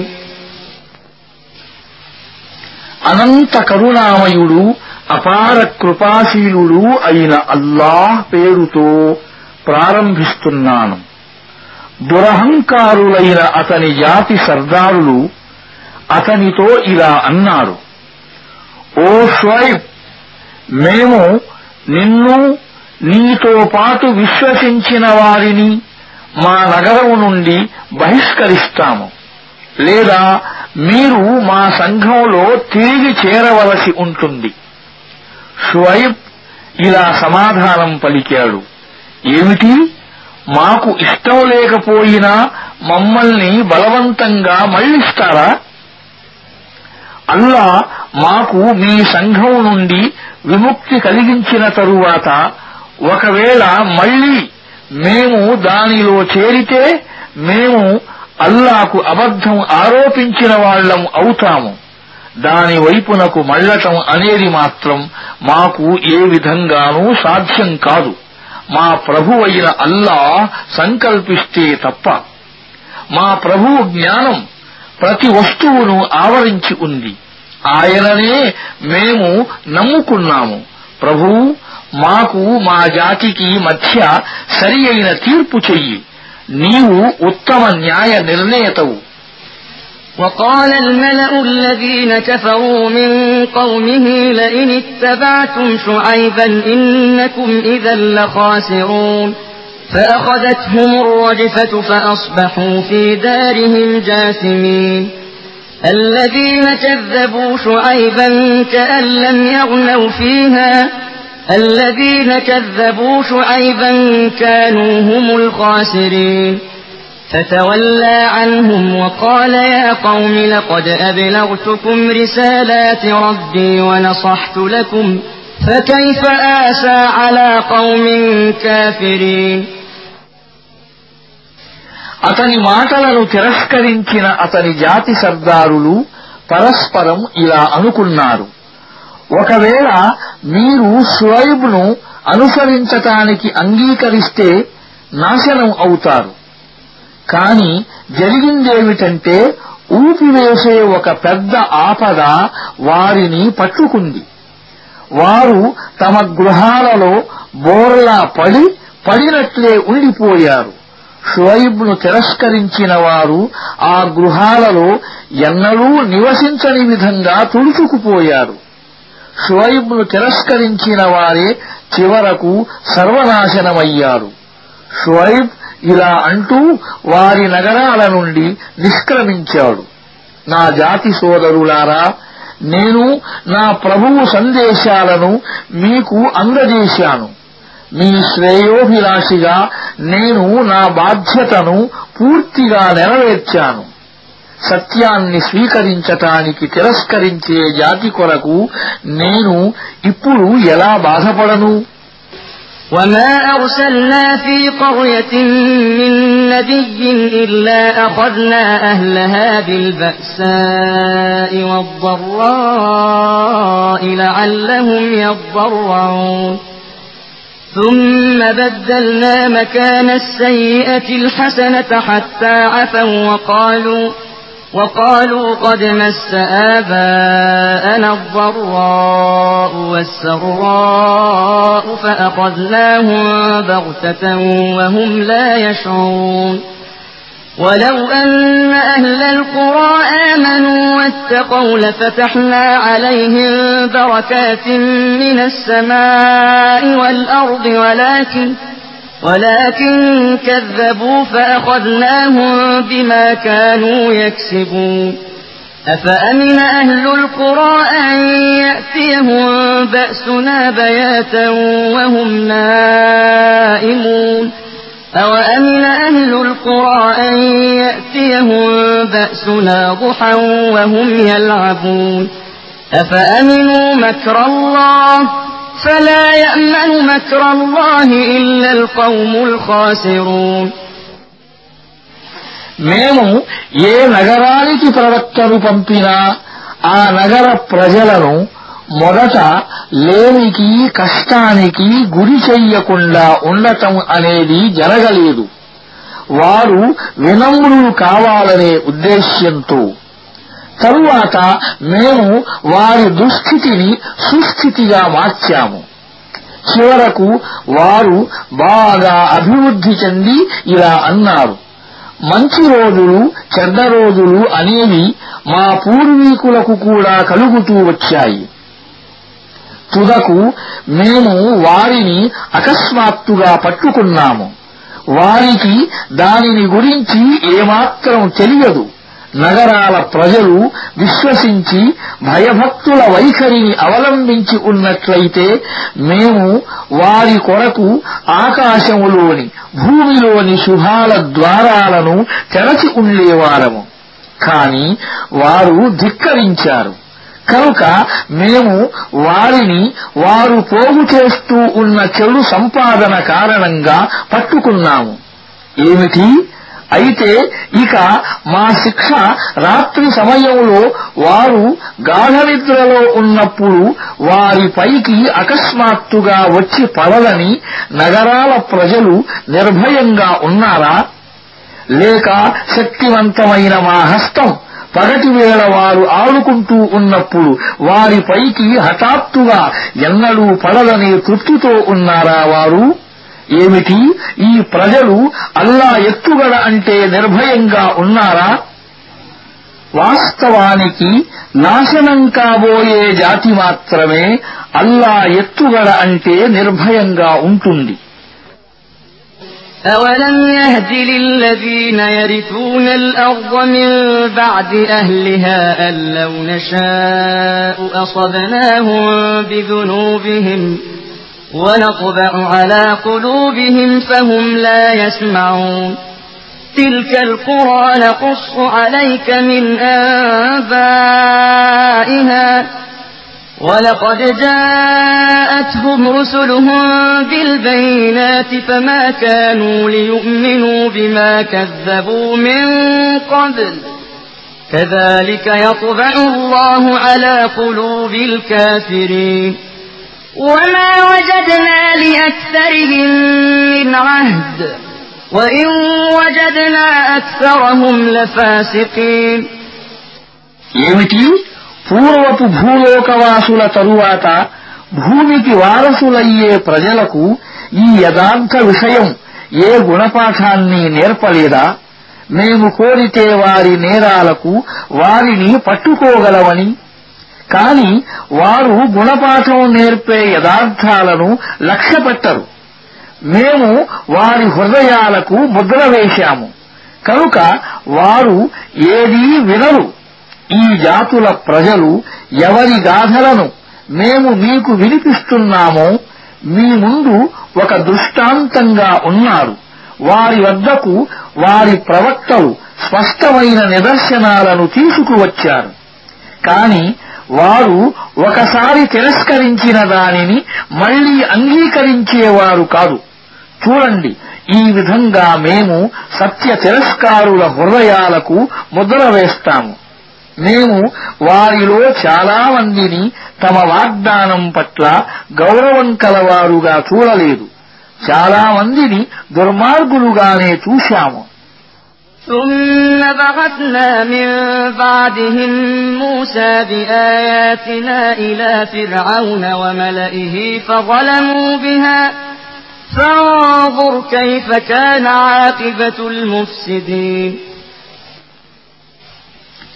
ఈ జాతుల తరువాత మేము మూసాను మా సూచనలతో ఫిరౌను వద్దకు అతని జాతి సర్దారుల వద్దకు పంపాము కాని వారు కూడా మా సూచనల పట్ల అన్యాయంగా ప్రవర్తించారు కనుక చూడండి ఆ దుర్మార్గుల గతి ఏమైందో وقال موسى يا فرعون إني رسول من رب العالمين حقيق على ألا أقول على الله إلا الحق قد جئتكم ببينة من ربكم فأرسل معي بني إسرائيل قال إن كنت جئت بآية فأت بها إن كنت من الصادقين فألقى عصاه فإذا هي ثعبان مبين ونزع يده فإذا هي بيضاء للناظرين قال الملأ من قوم فرعون إن هذا لساحر عليم. يريد أن يخرجكم من أرضكم فماذا تأمرون؟ قالوا أرجه وأخاه وأرسل في المدائن حاشرين. يأتوك بكل ساحر عليم. وجاء السحرة فرعون قالوا إن لنا لأجرا إن كنا نحن الغالبين. قال نعم وإنكم لمن المقربين. قالوا يا موسى إما أن تلقي وإما أن نكون نحن الملقين. قال ألقوا فلما ألقوا سحروا أعين الناس واسترهبوهم وجاءوا بسحر عظيم وأوحينا إلى موسى أن ألق عصاك فإذا هي تلقف ما يأفكون మూసా ఇలా అన్నాడు ఫిరౌన్ నేను విశ్వప్రభువు తన తరఫున పంపగా వచ్చిన వాడను. నా పని ఏమిటంటే అల్లా పేరుతో సత్యం తప్ప మరే మాట పలకకుండా ఉండటం. నేను మీ వద్దకు మీ ప్రభువు తరఫు నుండి నా నియామకాన్ని గురించిన స్పష్టమైన నిదర్శనం తీసుకుని వచ్చాను. కనుక నీవు ఇస్రాయిలు సంతానాన్ని నాతో పంపు. ఫిరౌను ఇలా అన్నాడు. ఒకవేళ నీవు ఏదైనా నిదర్శనాన్ని తెస్తే నీ ప్రకటనలో సత్యవంతులవే అయితే దానిని తీసుకురా. మూస తన చేతికర్రను విసిరాడు. అకస్మాత్తుగా అది ఒక సజీవ సర్పంగా మారిపోయింది. అతను తన జేబు నుండి చెయ్యిని పైకి తీశాడు. ప్రేక్షకులందరి ముందు అది మెరయసాగింది. అప్పుడు ఫిరౌను జాతి సర్దారులు పరస్పరం ఇలా అనుకున్నారు. నిశ్చయంగా ఈ వ్యక్తి మహానైపుణ్యం గల మాంత్రికుడే. మిమ్మల్ని మీ భూమి నుండి వెళ్ళగొట్టగోరుతున్నాడు ఇప్పుడేమంటారో చెప్పండి. వీళ్ళంతా ఫిరౌనుకు ఇలా సలహా ఇచ్చారు. అతన్ని అతని సోదరుణ్ణి ఆపి ఉంచండి. అన్ని పట్టణాలకు వేగుల వాళ్ళను పంపండి. నిపుణుడైన ప్రతి మాంత్రికుణ్ణి మీ వద్దకు తీసుకురావటానికి. ఆ విధంగా మాంత్రికులు ఫిరవును వద్దకు వచ్చారు. వారు ఇలా అన్నారు ఒకవేళ మేము గెలిస్తే మాకు దీని ప్రతిఫలం తప్పకుండా లభిస్తుంది కదా? ఫిరవును ఇలా సమాధానం చెప్పాడు అవును మీరు మా సాన్నిధ్యానికి చేరువవుతారు. తరువాత వారు మూసాతో ఇలా అన్నారు నీవు విసురుతావా? లేక మేము విసరాలా? మూస జవాబు పలికాడు మీరే విసరండి అని. వారు తమ పాచికలను విసరి చూపులను మంత్రముగ్ధం హృదయాలను భీతావహం చేశారు అద్భుతమైన మాయాజాలాన్ని కల్పించారు. మేము మూసాకు నీ చేతి కర్రను విసరివెయ్యి అని సంజ్ఞ చేశాము అతను విసరగానే త్రుటిలో అది వారి బూటకపు మాయాజాలాన్ని మృంగేసింది فوقع الحق وبطل ما كانوا يعملون فغلبوا هنالك وانقلبوا صاغرين وألقي السحرة ساجدين قالوا آمنا برب العالمين رب موسى وهارون ఈ విధంగా ఏది సత్యమో అది సత్యంగా నిరూపితమయింది వారు దేనిని కల్పించారో అది అసత్యంగా మిగిలిపోయింది ఫిరౌను అతని సహచరులు పోటీ రంగంలో పరాజితులయ్యారు విజయానికి బదులుగా అంతా తారుమారై అవమానం పాలయ్యారు. ఇక మాంత్రికుల పరిస్థితి అంతరంగంలోని ఏదో విషయం వారిని సాష్టాంగపడేలా చేసింది. వారు ఇలా అన్నారు మేము విశ్వసించాము సకల లోకాల ప్రభువును మూసా హారూనులు విశ్వసిస్తున్న ప్రభువును. قال فرعون آمنتم به قبل أن آذن لكم إن هذا لمكر مكرتموه في المدينة لتخرجوا منها أهلها فسوف تعلمون لأقطعن أيديكم وأرجلكم من خلاف ثم لأصلبنكم أجمعين ఫెరవును ఇలా అన్నాడు నేను మీకు అనుమతి ఇవ్వకముందే మీరు అతన్ని విశ్వసించారా? నిశ్చయంగా ఈ రాజధాని నగరములో దాని పాలకులను అధికారం నుండి తొలగించటానికి మీరంతా కలసి రహస్యంగా పన్నిన కుట్ర ఇది. సరే అయితే దాని ఫలితం మీకు ఇప్పుడే తెలుస్తుంది. నేను మీ చేతులను మీ కాళ్లను వ్యతిరేక దిశలో నరికిస్తాను ఇంకా దాని తరువాత మీ అందరినీ సిలువనెక్కిస్తాను قالوا إنا إلى ربنا منقلبون وما تنقم منا إلا أن آمنا بآيات ربنا لما جاءتنا ربنا أفرغ علينا صبرا وتوفنا مسلمين వారు ఇలా జవాబు పలికారు ఎట్టి పరిస్థితిలోనూ మేము మరలవలసింది మా ప్రభువు వైపునకే నీవు ఏ విషయంలో మాపై పగ తీర్చుకోదలచావో అది మా ప్రభువు సూచనలు మా ముందుకు వచ్చినప్పుడు మేము వాటిని విశ్వసించామనేది తప్ప మరొకటి కాదు ప్రభూ మాకు ఓరిమిని అమితంగా అనుగ్రహించు మమ్మల్ని ప్రపంచం నుండి లేపినప్పుడు మేము నీకు విధేయులుగా ఉన్న స్థితిలోనే లేపు وقال الملأ من قوم فرعون أتذر موسى وقومه ليفسدوا في الأرض ويذرك وآلهتك قال سنقتل أبناءهم ونستحيي نساءهم وإنا فوقهم قاهرون ఫిరౌనుతో అతని జాతి సర్దారులు ఇలా అన్నారు మూసాను అతని జాతి వారిని రాజ్యంలో కల్లోలం వ్యాపింపజేయటానికి వారు నీ దాస్యాన్ని నీ దేవుళ్ల దాస్యాన్ని కాదనటానికి నీవు వారిని స్వేచ్ఛగా వదిలిపడతావా ఫిరౌను ఇలా జవాబు ఇచ్చాడు నేను వారి కొడుకులను చంపిస్తాను వారి స్త్రీలను బ్రతకనిస్తాను వారిపై మా అధికారపు పట్టు పటిష్టంగా ఉంది قال موسى لقومه استعينوا بالله واصبروا إن الأرض لله يورثها من يشاء من عباده والعاقبة للمتقين قالوا أوذينا من قبل أن تأتينا ومن بعد ما جئتنا قال عسى ربكم أن يهلك عدوكم ويستخلفكم في الأرض فينظر كيف تعملون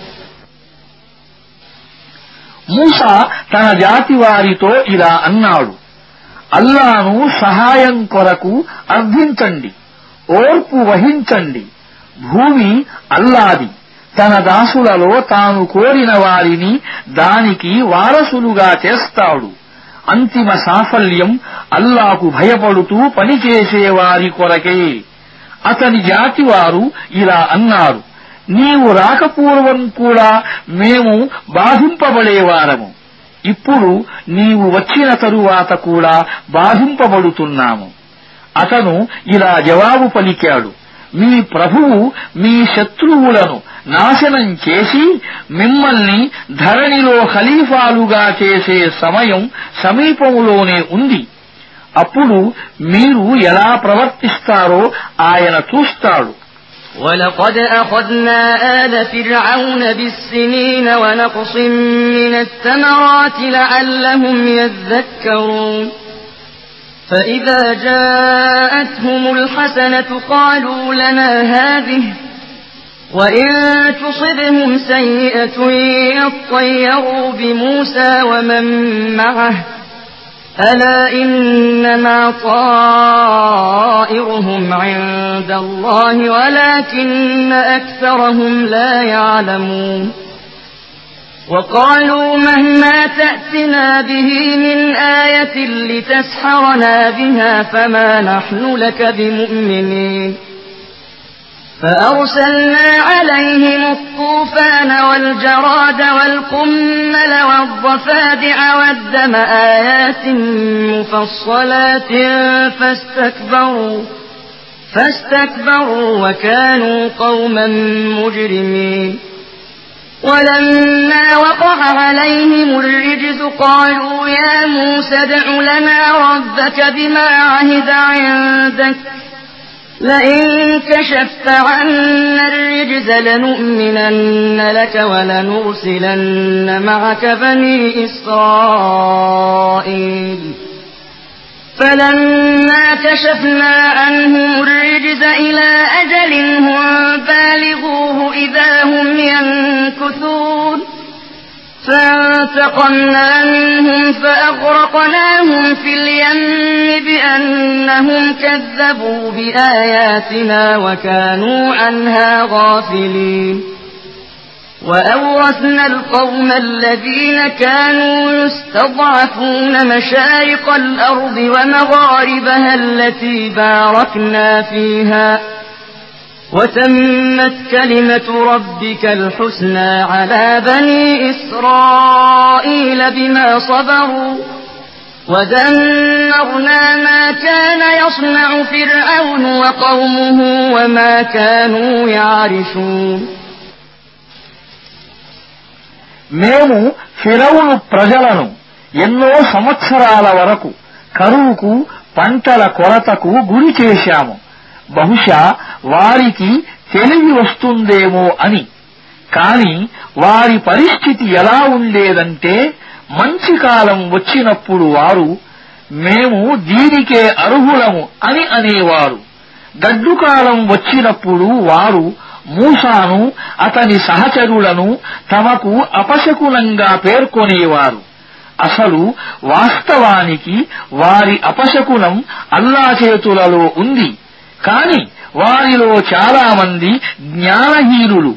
వారు మూసాతో ఇలా అన్నారు నీవు మంత్రజాలంగా మాపై ప్రయోగించటానికి ఏ మంత్ర సూచనను తెచ్చినా మేము నీ మాటను నమ్మేవాళ్ళం కాము. చివరకు మేము వారిపైకి తుఫానును పంపాము మిడతల దండులను వదిలాము. పేలు వ్యాపింపజేశాము కప్పలను పుట్టించాము రక్తాన్ని కురిపించాము. ఈ సూచనలనన్నింటినీ వేరువేరుగా చూపించాము. కాని వారు తలవిరుసుతనం ప్రదర్శిస్తూనే పోయారు. వారు మహాపరాధం చేసిన ప్రజలు.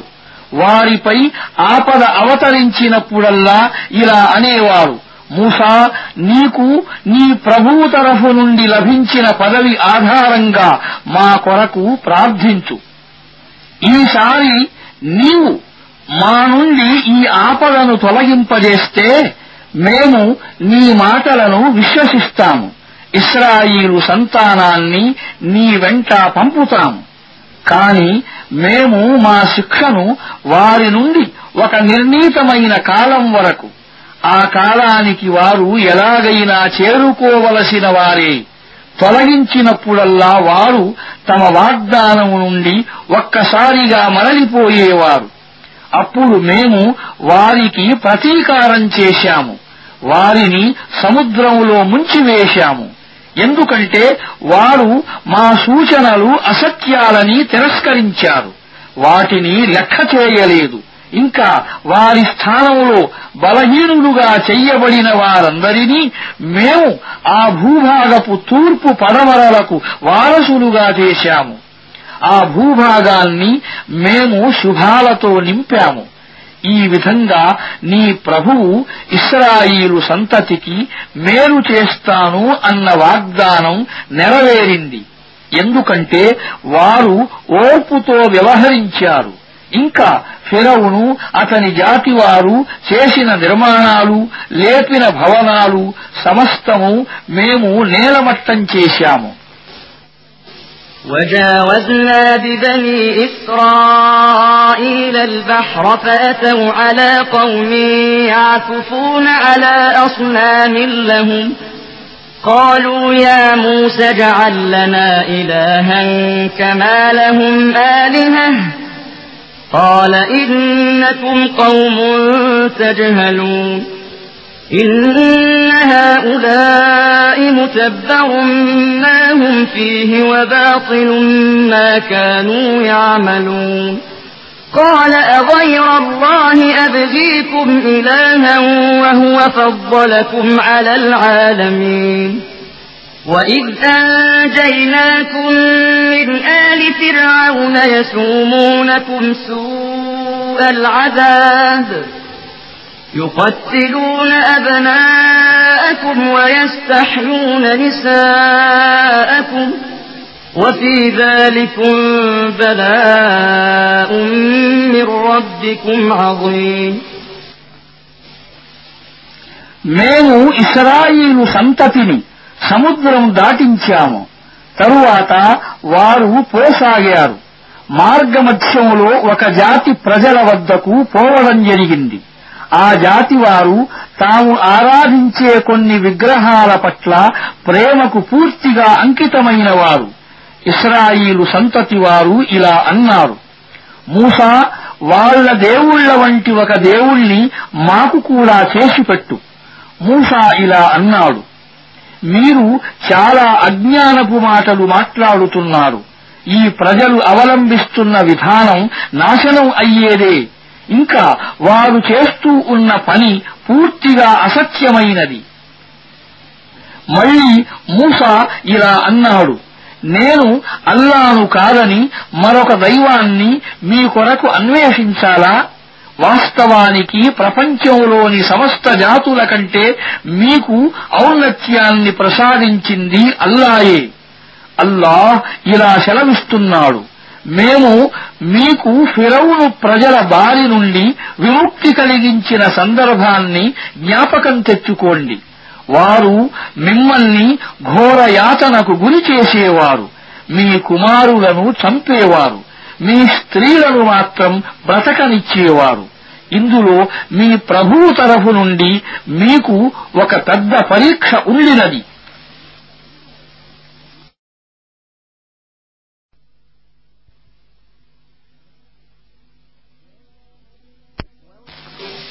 وواعدنا موسى ثلاثين ليلة وأتممناها بعشر فتم ميقات ربه أربعين ليلة.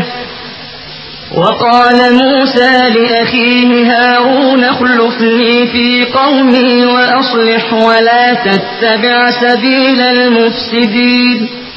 ولما جاء موسى لميقاتنا وكلمه ربه قال رب أرني أنظر إليك قال لن تراني ولكن انظر إلى الجبل فإن استقر مكانه فسوف تراني فلما تجلى ربه للجبل جعله دكا وخر موسى صعقا. فلما أفاق قال سبحانك تبت إليك وأنا أول المؤمنين. قال يا موسى إني اصطفيتك على الناس برسالاتي وبكلامي فخذ ما آتيتك. فخذ ما آتيتك وكن من الشاكرين మేము మూసాను సినాయి కొండపైకి ముప్పై రేయింబవళ్ల కోసం పిలిపించాము తరువాత ఇంకా పది రోజులు పొడిగించాము ఈ విధంగా అతని ప్రభువు నిర్ణయించిన గడువు మొత్తం నలభై రోజులు అయింది మూస పోతూ పోతూ తన సోదరుడు హారూనుతో ఇలా అన్నాడు నా తరువాత నీవు నా జాతి ప్రజలలో నాకు ప్రాతినిధ్యం వహించు సక్రమంగా వ్యవహరిస్తూ ఉండు విచ్ఛిన్నకారుల మార్గంలో నడవకు. మేము నిర్ణయించిన సమయానికి సరిగ్గా అతను చేరినప్పుడు అతని ప్రభువు అతనితో సంభాషించాడు. అప్పుడు అతను ఇలా మనవి చేశాడు ప్రభువు నా చూపునకు బలాన్ని ప్రసాదించు. నిన్ను చూస్తాను. ఇలా సెలవిచ్చాడు. నీవు నన్ను చూడలేవు. కొంచెం ముందున్న ఆ కొండవైపు చూడు. అది తన స్థానంలో స్థిరంగా ఉంటే అప్పుడు నీవు నన్ను చూడగలవు. ఆ ప్రకారం అతని ప్రభువు ఆ కొండపై తన తేజస్సును ప్రసరింపజేసి దానిని భస్మం చేసేశాడు. మూస స్పృహ తప్పి పడిపోయాడు. తెలివి వచ్చిన తరువాత ఇలా అన్నాడు నీవు పరిశుద్ధుడవు. నేను నీ సన్నిధిలో పశ్చాత్తాపడుతున్నాను అందరికంటే మొదట నేనే విశ్వసిస్తున్నాను. ఇలా సెలవిచ్చాడు. మూసా నా సందేశాన్ని అందజెయ్యటానికి నాతో సంభాషించటానికి ప్రజలందరికంటే నీకు ప్రాధాన్యం ఇచ్చి నేను నిన్ను ఎన్నుకున్నాను కనుక నేనిచ్చే దానిని తీసుకో కృతజ్ఞతలు తెలుపు وكتبنا له في الألواح من كل شيء موعظة وتفصيلا لكل شيء فخذها بقوة فخذها بقوة وأمر قومك يأخذوا بأحسنها. سأريكم دار الفاسقين. سأصرف عن آياتي الذين يتكبرون في الأرض بغير الحق وإن يروا كل آية لا يؤمنوا بها. وإن يروا كل آية لا يؤمنوا بها وإن يروا سبيل الرشد لا يتخذوه سبيلا وإن يروا سبيل الغي يتخذوه سبيلا ذلك بأنهم كذبوا بآياتنا وكانوا عنها غافلين والذين كذبوا بآياتنا ولقاء الآخرة حبطت أعمالهم هل يجزون إلا ما كانوا يعملون తరువాత మేము జీవితానికి సంబంధించిన ప్రతి రంగానికి కావలసిన హితబోధను ప్రతి వ్యవహారానికి సంబంధించిన స్పష్టమైన మార్గదర్శకత్వాన్ని శిలాఫలకాలపై వ్రాసి మూసాకు ఇచ్చాము. అతనితో ఇలా అన్నాము ఈ ఉపదేశాలను నీ చేతులతో గట్టిగా పట్టుకో. వాటి ఉత్తమ భావాలను అనుసరించండి అని నీ జాతి వారిని ఆజ్ఞాపించు. త్వరలోనే నేను నీకు దుర్మార్గుల గృహాలను చూపిస్తాను. ఏ హక్కు లేకుండా భూమిపై పెద్దలుగా చలామణి అయ్యే వారి దృష్టిని నేను నా సూచనల నుండి మరలిస్తాను. వారు ఏ సూచనను చూచినా దానిని ఎన్నటికీ విశ్వసించరు. ఒకవేళ సరి అయిన మార్గం వారి ముందుకు వచ్చినా దానిని వారు అవలంబించరు. ఒకవేళ వక్ర మార్గం కనిపిస్తే వెంటనే ఆ మార్గం మీదకు దూకుతారు. ఎందుకంటే వారు మా సూచనలను తిరస్కరించారు వాటిని నిర్లక్ష్యం చేస్తూ వచ్చారు మా సూచనలను తిరస్కరించి పరలోకములో హాజరు కావటాన్ని త్రోసిపుచ్చేవాడి కర్మలన్నీ వ్యర్థమైపోతాయి ప్రజలు మరేదైనా ప్రతిఫలాన్ని పొందగలరా వారు ఎంత చేస్తే అంత తప్ప واتخذ قوم موسى من بعده من حليهم عجلا جسدا له خوار ألم يروا أنه لا يكلمهم ولا يهديهم سبيلا اتخذوه وكانوا ظالمين ولما سقط في أيديهم ورأوا أنهم قد ضلوا قالوا لئن لم يرحمنا ربنا ويغفر لنا لنكونن من الخاسرين. ولما رجع موسى إلى قومه غضبان أسفا قال بئس ما خلفتموني من بعدي. أعجلتم أمر ربكم؟ وألقى الألواح وأخذ برأس أخيه يجره إليه. قال ابن أم إن القوم استضعفوني وكادوا يقتلونني فلا تشمت بي الأعداء ولا تجعلني مع القوم الظالمين. قال رب اغفر لي ولأخي وأدخلنا في رحمتك وأنت أرحم الراحمين. إن الذين اتخذوا العجل سينالهم غضب من ربهم وذلة في الحياة الدنيا. وكذلك نجزي المفترين. والذين عملوا السيئات ثم تابوا من بعدها وآمنوا إن ربك من بعدها لغفور رحيم. మూసా వెళ్ళిన తరువాత అతని జాతి ప్రజలు తమ ఆభరణాలతో ఒక ఆవుదూడ విగ్రహాన్ని తయారు చేశారు. అందులో నుండి ఆవు అరుపు వంటి ధ్వని వచ్చేది. అది వారితో మాట్లాడలేదని మరే వ్యవహారములోనూ వారికి మార్గం చూపలేదని వారికి కనిపించేది కాదా? అయినప్పటికీ వారు దానిని ఆరాధ్య దైవంగా చేసుకున్నారు. వారు పరమ దుర్మార్గులు. వారి నుండి ఆత్మవంచనకు తెరలు తొలగిపోయినప్పుడు వారు తాము వాస్తవానికి మార్గం తప్పామని కనుగొన్నారు. అప్పుడు ఇలా అన్నారు మా ప్రభువు గనక మాపై దయ చూపకపోతే మమ్మల్ని మన్నించకపోతే మేము సర్వనాశనం అయిపోతాము. అటు నుండి మూస ఆగ్రహంతో విచారంతో తన జాతి ప్రజల వద్దకు మరలి వచ్చాడు. వచ్చిన వెంటనే ఇలా అన్నాడు నేను లేనప్పుడు నా స్థానంలో మీరు చాలా చెడ్డగా ప్రవర్తించారు. మీ ప్రభువు ఆజ్ఞ కొరకు నిరీక్షించే ఓపిక కూడా మీలో లేకుండా పోయిందా? అతను శిలాఫలకాలను విసిరివేశాడు. తన సోదరుడు హారూను తల వెంట్రుకలను పట్టుకొని అతన్ని లాగాడు. హారూను ఇలా అన్నాడు నా తల్లి కుమారుడా ఈ ప్రజలు నన్ను లోబరచుకున్నారు. ఇంకా కాస్తైతే నన్ను చంపేసేవారే. కనుక నీవు శత్రువులకు నన్ను చూసి నవ్వే అవకాశం ఇవ్వకు. ఈ దుర్మార్గపు ముఠాతో నన్ను కలపకు. అప్పుడు మూస ఇలా అన్నాడు ప్రభూ నన్ను నా సోదరుణ్ణి క్షమించు. మమ్మల్ని నీ కారుణ్యంలోకి ప్రవేశింపజెయ్యి నీవు అందరికంటే అధికంగా కారుణ్యం చూపేవాడవు.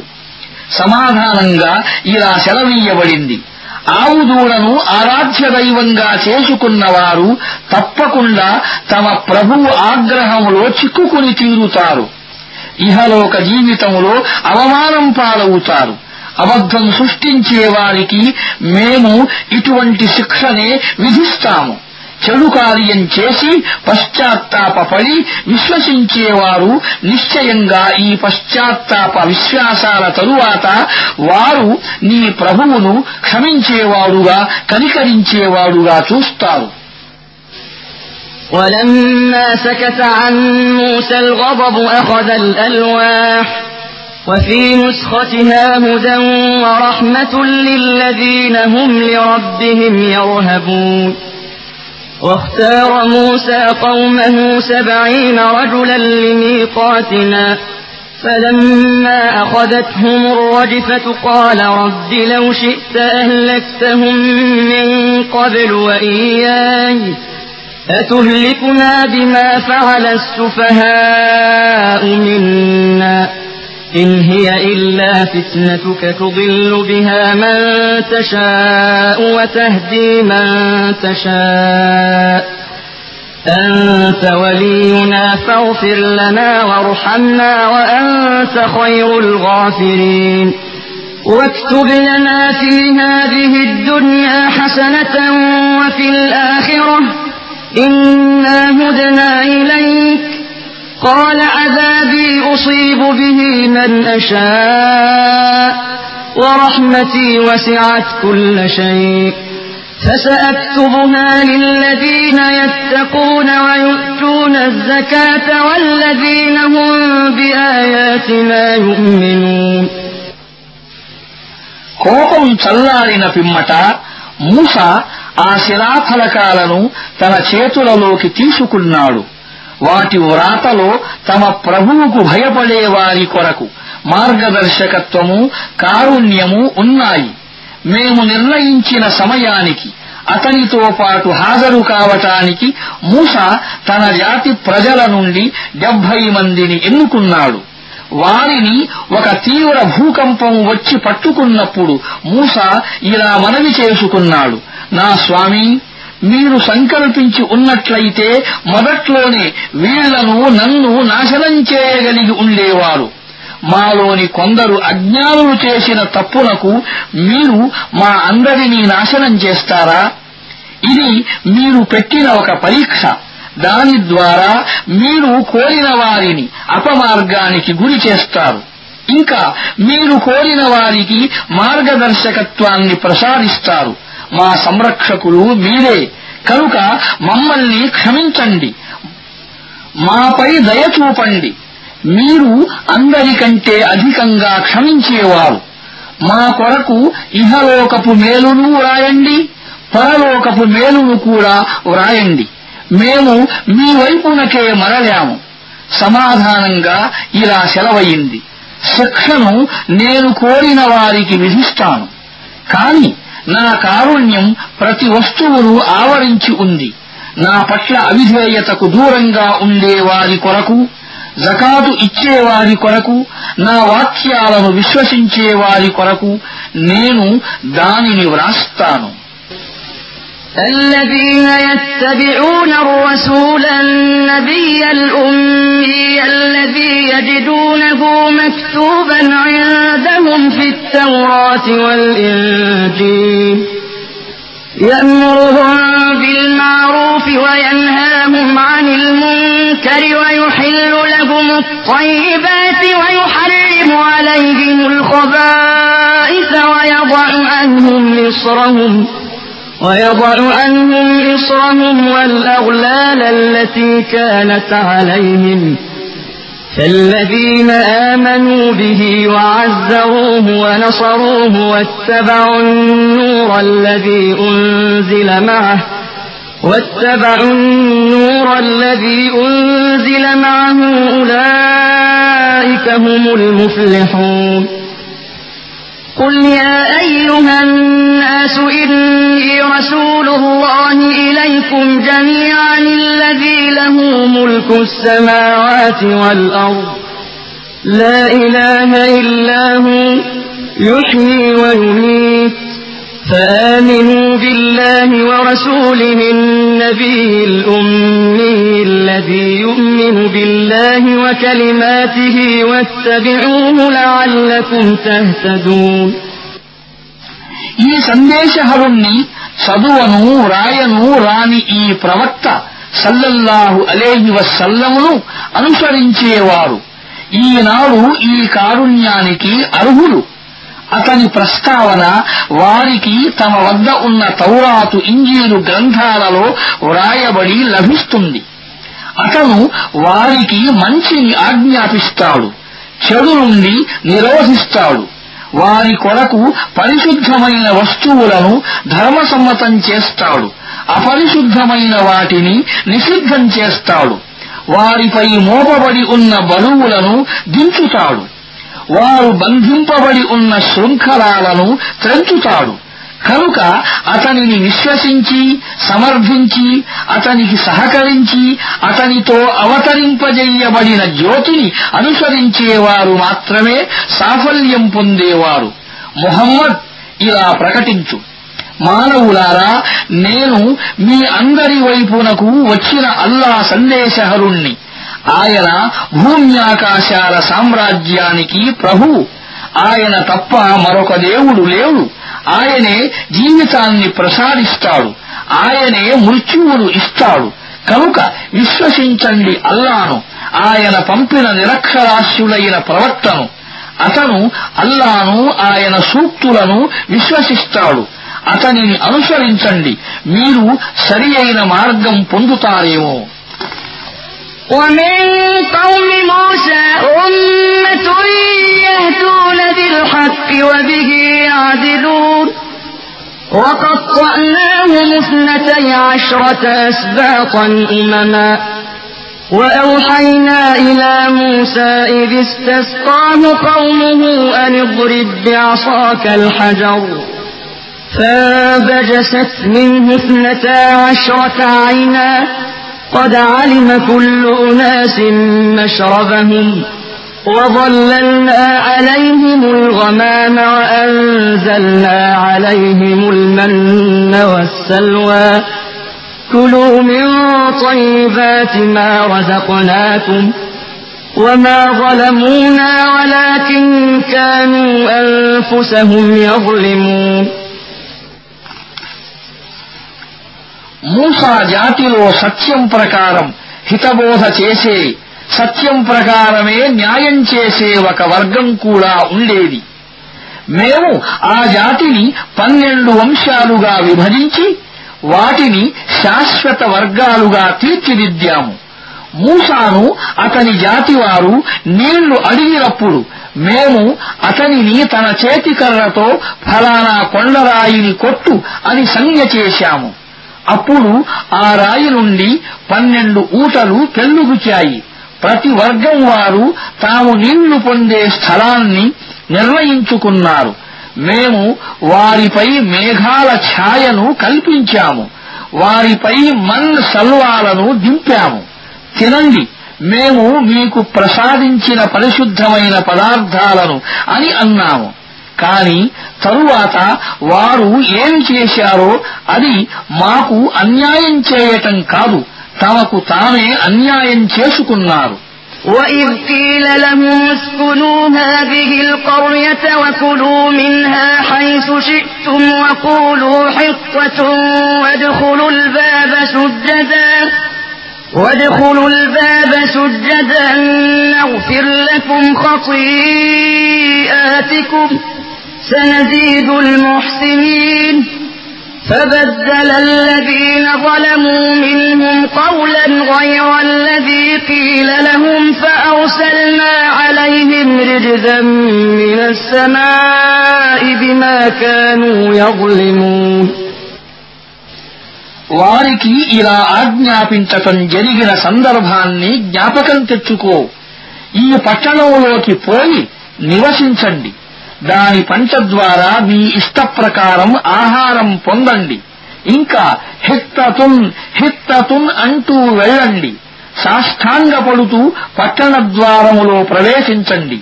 మేము మీ తప్పులను మన్నిస్తాము. సద్వైఖరి కలిగి ఉండే వారిని అధికానుగ్రహంతో సత్కరిస్తాము. కాని వారిలోని దుర్మార్గులు తమకు చెప్పిన మాటను మార్చివేశారు. పర్యవసానంగా మేము వారి దుర్మార్గానికి ఫలితంగా వారిపైకి ఆకాశము నుండి శిక్షను పంపాము واسألهم عن القرية التي كانت حاضرة البحر إذ يعدون في السبت إذ تأتيهم حيتانهم إذ تأتيهم حيتانهم يوم سبتهم شرعا ويوم لا يسبتون لا تأتيهم.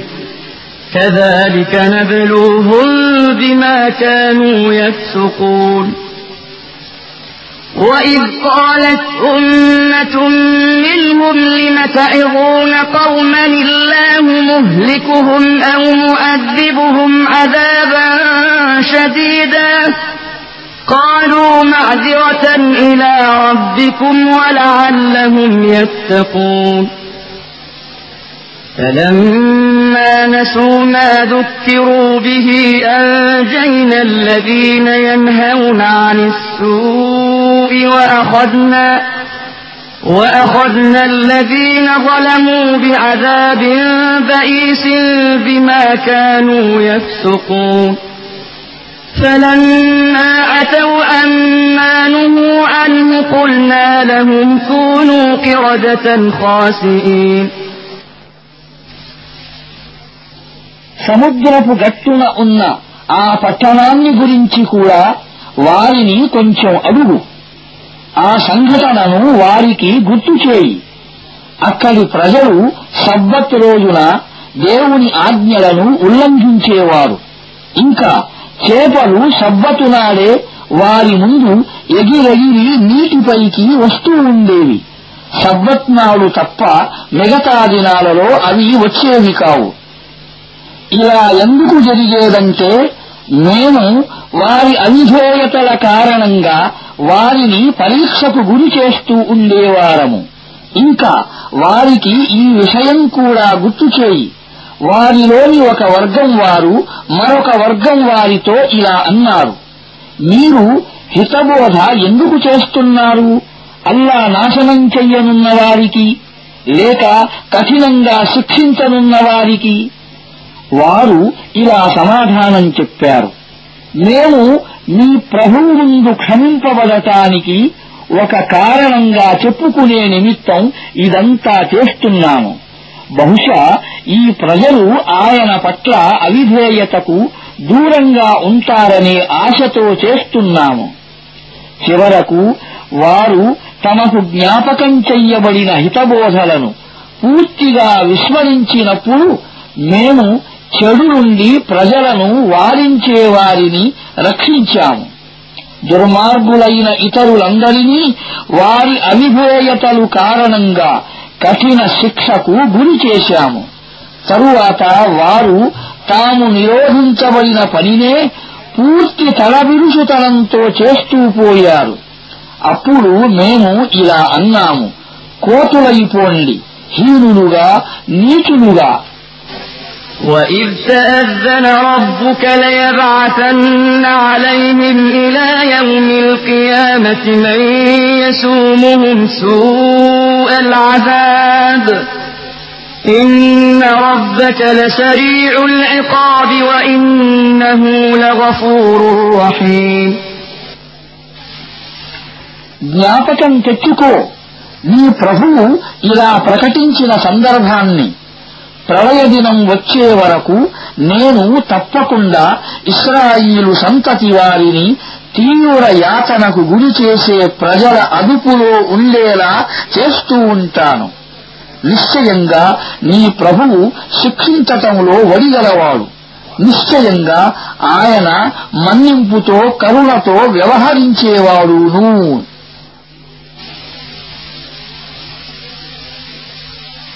وقطعناهم في الأرض أمما منهم الصالحون ومنهم دون ذلك. وبلوناهم بالحسنات والسيئات لعلهم يرجعون. فخلف من بعدهم خلف ورثوا الكتاب يأخذون أرض هذا الأدنى ويقولون سيغفر لنا. وإن يأتهم عرض مثله يأخذوه.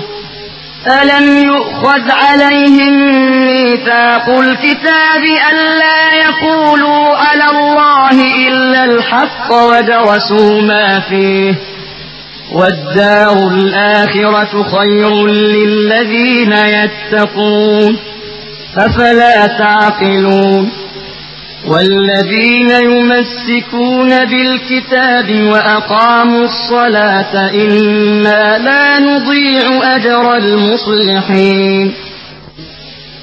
وإذ نتقنا الجبل فوقهم كأنه ظلة وظنوا أنه واقع بهم خذوا ما آتيناكم بقوة. خذوا ما آتيناكم بقوة واذكروا ما فيه لعلكم تتقون మేము వారిని భూమిలో ముక్కలు ముక్కలుగా చేసి నానా జాతులుగా విభజించాము వారిలో కొందరు సజ్జనులు కొందరు దానికి భిన్నమైన వారు మేము వారిని మంచి చెడు స్థితుల ద్వారా పరీక్షకు గురి చేస్తూ వచ్చాము బహుశా వారు మరలి వస్తారేమో అని. ఆపై పూర్వపు తరాల తరువాత అయోగ్యులైన వారు వారికి వారసులయ్యారు. వారు దైవ గ్రంథానికి వారసులై కూడా తుచ్చమైన ఐహిక ప్రయోజనాలను సేకరిస్తున్నారు. పైగా ఇలా అంటారు మేము క్షమింపబడతామని ఆశిస్తున్నాము. ఆ ఐహిక సంపదే ముందుకు వస్తే మళ్ళీ దానిని వారు తటాలున అందుకుంటారు. సత్యమైన దానినే అల్లా పేరుతో పలకాలని వారి నుండి గ్రంథ ప్రమాణం తీసుకోవడం జరగలేదా? గ్రంథంలో వ్రాయబడి ఉన్న దానిని స్వయంగా వారే చదివారు. పరలోక నివాసం దైవభక్తిపరాయణులకు మాత్రమే మేలైనది. మీరు ఈ మాత్రపు విషయాన్ని అర్థం చేసుకోలేరా?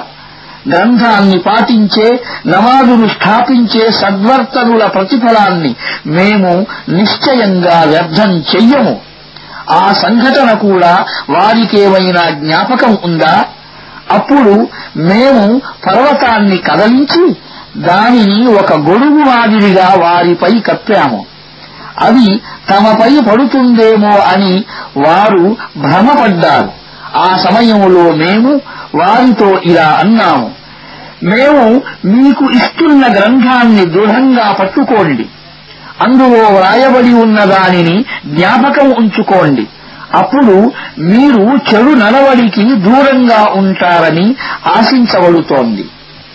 وإذ أخذ ربك من بني آدم من ظهورهم ذريتهم وأشهدهم على أنفسهم ألست بربكم قالوا بلى شهدنا أن تقولوا يوم القيامة إنا كنا عن هذا غافلين أو تقولوا إنما أشرك آباؤنا من قبل وكنا ذرية من بعدهم أفتهلكنا بما فعل المبطلون وكذلك نفصل الآيات ولعلهم يرجعون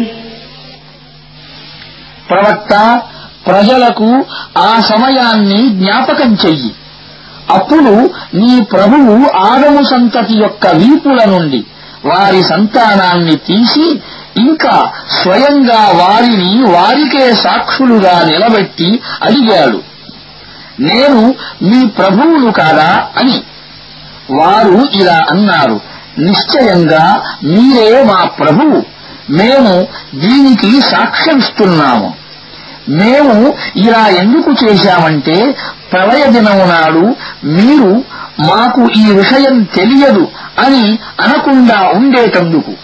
లేదా షిర్కును మా తాత ముత్తాతలు మాకంటే ముందే ప్రారంభించారు. తరువాత మేము వారి సంతతికి జన్మించాము. దుర్జనులు చేసిన నేరానికి మీరు మమ్మల్ని పట్టుకుంటారా అని అనకుండా ఉండేటందుకు. చూడండి ఇలా మేము సూచనలను స్పష్టంగా వివరిస్తాము వారు మరలి రావాలని ఇలా చేస్తాము واتل عليهم نبأ الذي آتيناه آياتنا فانسلخ منها فأتبعه الشيطان فكان من الغاوين ولو شئنا لرفعناه بها ولكنه أخلد إلى الأرض واتبع هواه. فمثله كمثل الكلب إن تحمل عليه يلهث أو تتركه يلهث. ذلك مثل القوم الذين كذبوا بآياتنا فاقصص القصص لعلهم يتفكرون ప్రవక్త వారికి ఆ వ్యక్తిగాథను వినిపించు అతనికి మేము మా వాక్యాల జ్ఞానాన్ని ప్రసాదించాము కాని అతడు వాటిని పాటించకుండా విముఖుడైపోయాడు చివరకు సైతాను అతన్ని వెంబడించాడు పర్యవసానంగా అతడు మార్గభ్రష్టులలో కలసిపోయాడు మేము గనక కోరి ఉన్నట్లయితే అతనికి ఆ వాక్యాల ద్వారా ఔన్నత్యాన్ని ప్రసాదించి ఉండేవారము. కాని అతడు భూమి వైపునకే మృగ్యాడు తన మనోవాంఛలనే అనుసరించాడు. కనుక అతని పరిస్థితి కుక్క వంటిదైపోయింది. మీరు దానిపై దాడి చేస్తే అప్పుడు కూడా అది నాలుకను వెళ్ళబెట్టుతుంది దానిని వదిలిపెడితే అప్పుడు కూడా అది నాలుకను వెళ్లబెట్టుతుంది మా వాక్యాలను తిరస్కరించే వారి దృష్టాంతం కూడా ఇదే నీవు వారికి ఈ గాథలను వినిపిస్తూ ఉండు బహుశా వారు యోచిస్తారేమో ساء مثلا القوم الذين كذبوا بآياتنا وأنفسهم كانوا يظلمون من يهد الله فهو المهتدي ومن يضلل فأولئك هم الخاسرون. ولقد ذرأنا لجهنم كثيرا من الجن والإنس لهم قلوب لا يفقهون بها ولهم أعين لا يبصرون بها ولهم آذان لا يسمعون بها أولئك كالأنعام بل هم أضل أولئك هم الغافلون మా వాక్యాలను తిరస్కరించిన వారి దృష్టాంతం చాలా చెడ్డది ఎందుకంటే వారు తమకు తామే అన్యాయం చేసుకుంటున్నారు. అల్లాహ్ ఎవరికి మార్గం చూపుతాడో వాడే సన్మార్గాన్ని పొందుతాడు. కాని అల్లాహ్ ఎవరిని తన మార్గదర్శకత్వానికి దూరం చేస్తాడో వాడే నిష్ఫలుడవుతాడు నష్టపోతాడు. చాలా మంది జిన్నాతులను మానవులను మేము నరకం కోసమే సృష్టించాము. ఇది యథార్థం. వారికి హృదయాలున్నాయి కాని వారు వాటితో ఆలోచించరు. వారికి కళ్ళు ఉన్నాయి కాని వారు వాటితో చూడరు.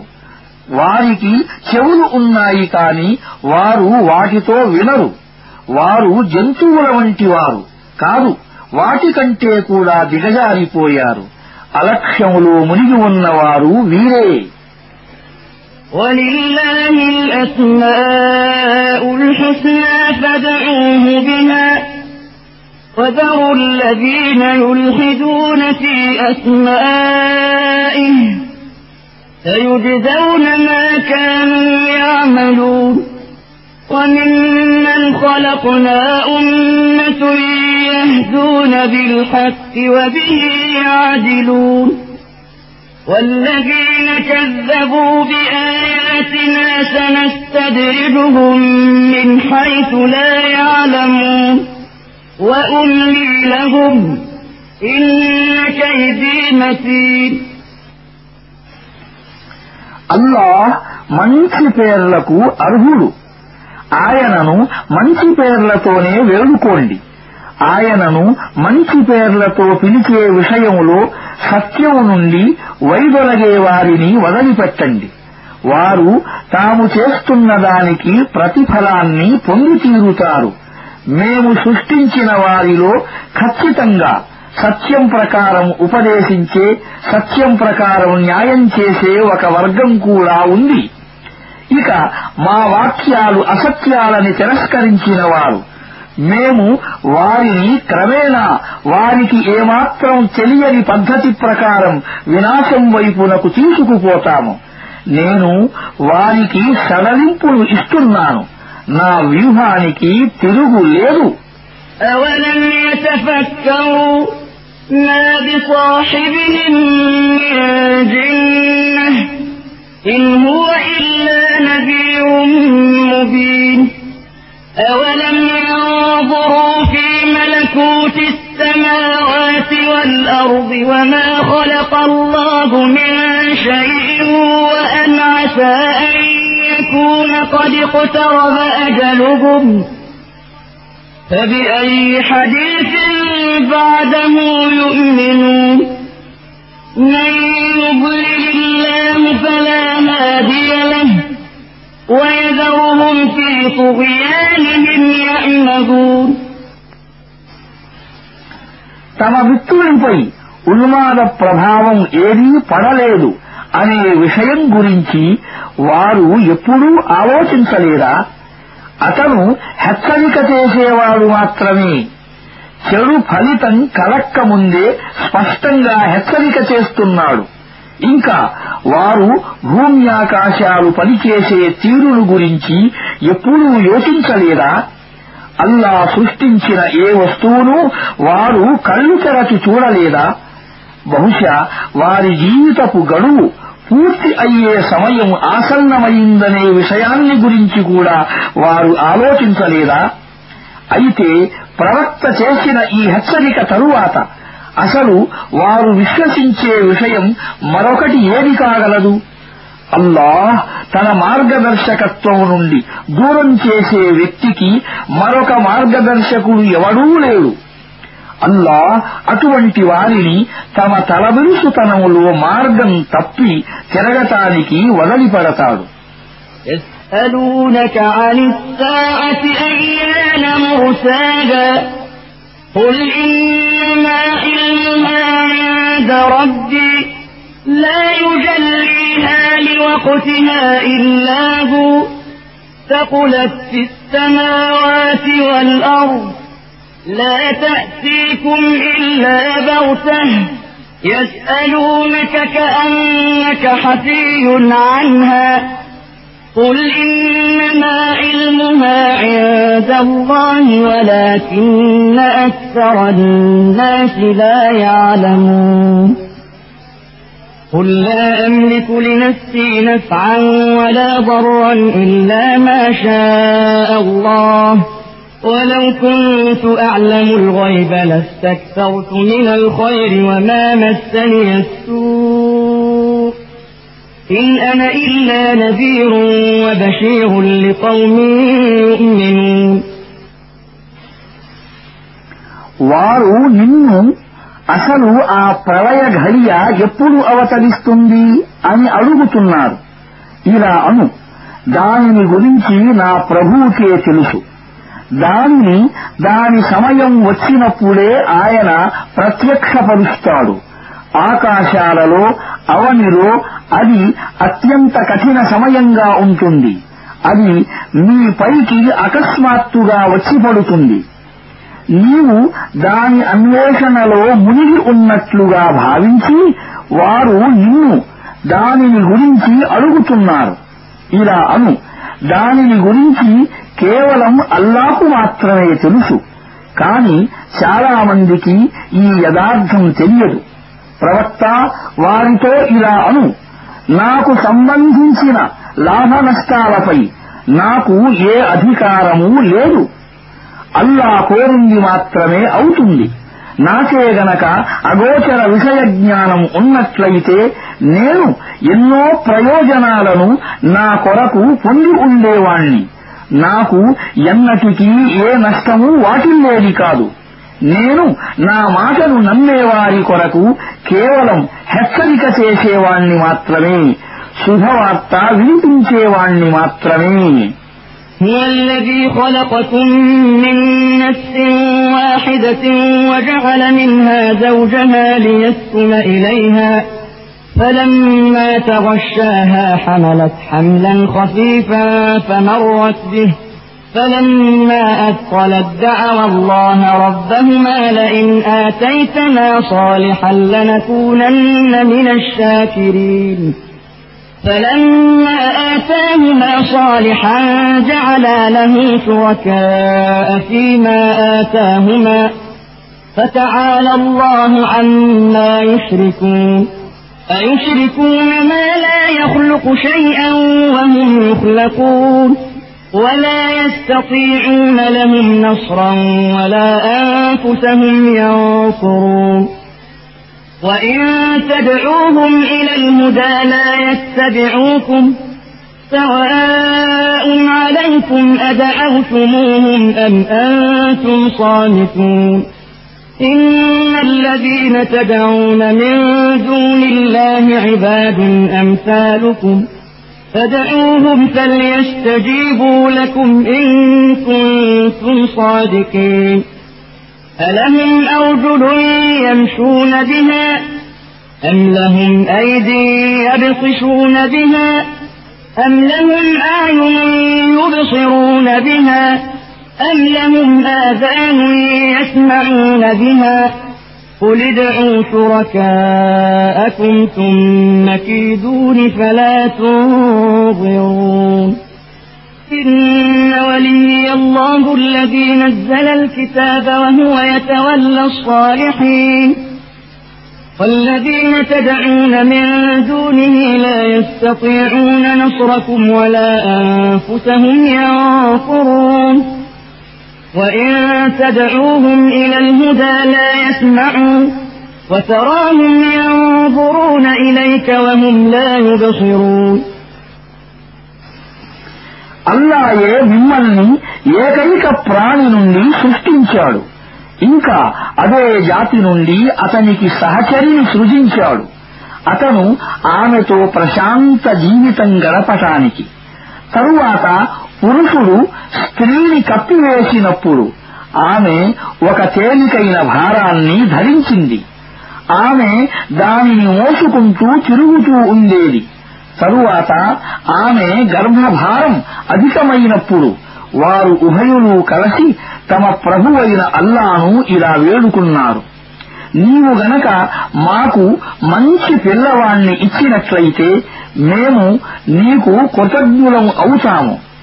అప్పుడు అల్లా వారికి ఒక చక్కని ఏ లోపమూ లేనటువంటి పిల్లవాణ్ణి ప్రసాదించాడు. కాని వారు ఆయన ప్రసాదించిన ఈ కానుక విషయంలో ఇతరులను ఆయనకు భాగస్వాములుగా చేయసాగారు. వారు చేసే ఈ షిర్కు పనులకు అల్లా అతీతుడు ఉన్నతుడును ఎంత మూఢులు వీళ్ళు? ఏ వస్తువును సృష్టించలేని వారిని. స్వయంగా తానే సృష్టించబడేవారిని. ఎవరికి సహాయం చెయ్యలేని వారిని. స్వయంగా తమకు తామే సహాయం చేసుకోలేని వారిని. వీరు అల్లాకు భాగస్వాములుగా చేస్తున్నారు. ఒకవేళ మీరు వారిని రుజుమార్గంపైకి రమ్మని ఆహ్వానిస్తే వారు మీ వెంట రారు. మీరు వారిని పిలిచినా లేక మౌనం వహించినా మీకు రెండూ ఒక్కటే. అల్లాను త్రోసిరాదని మీరు వేడుకుంటున్నవారు. మీ మాదిరిగానే కేవలం దాసులు.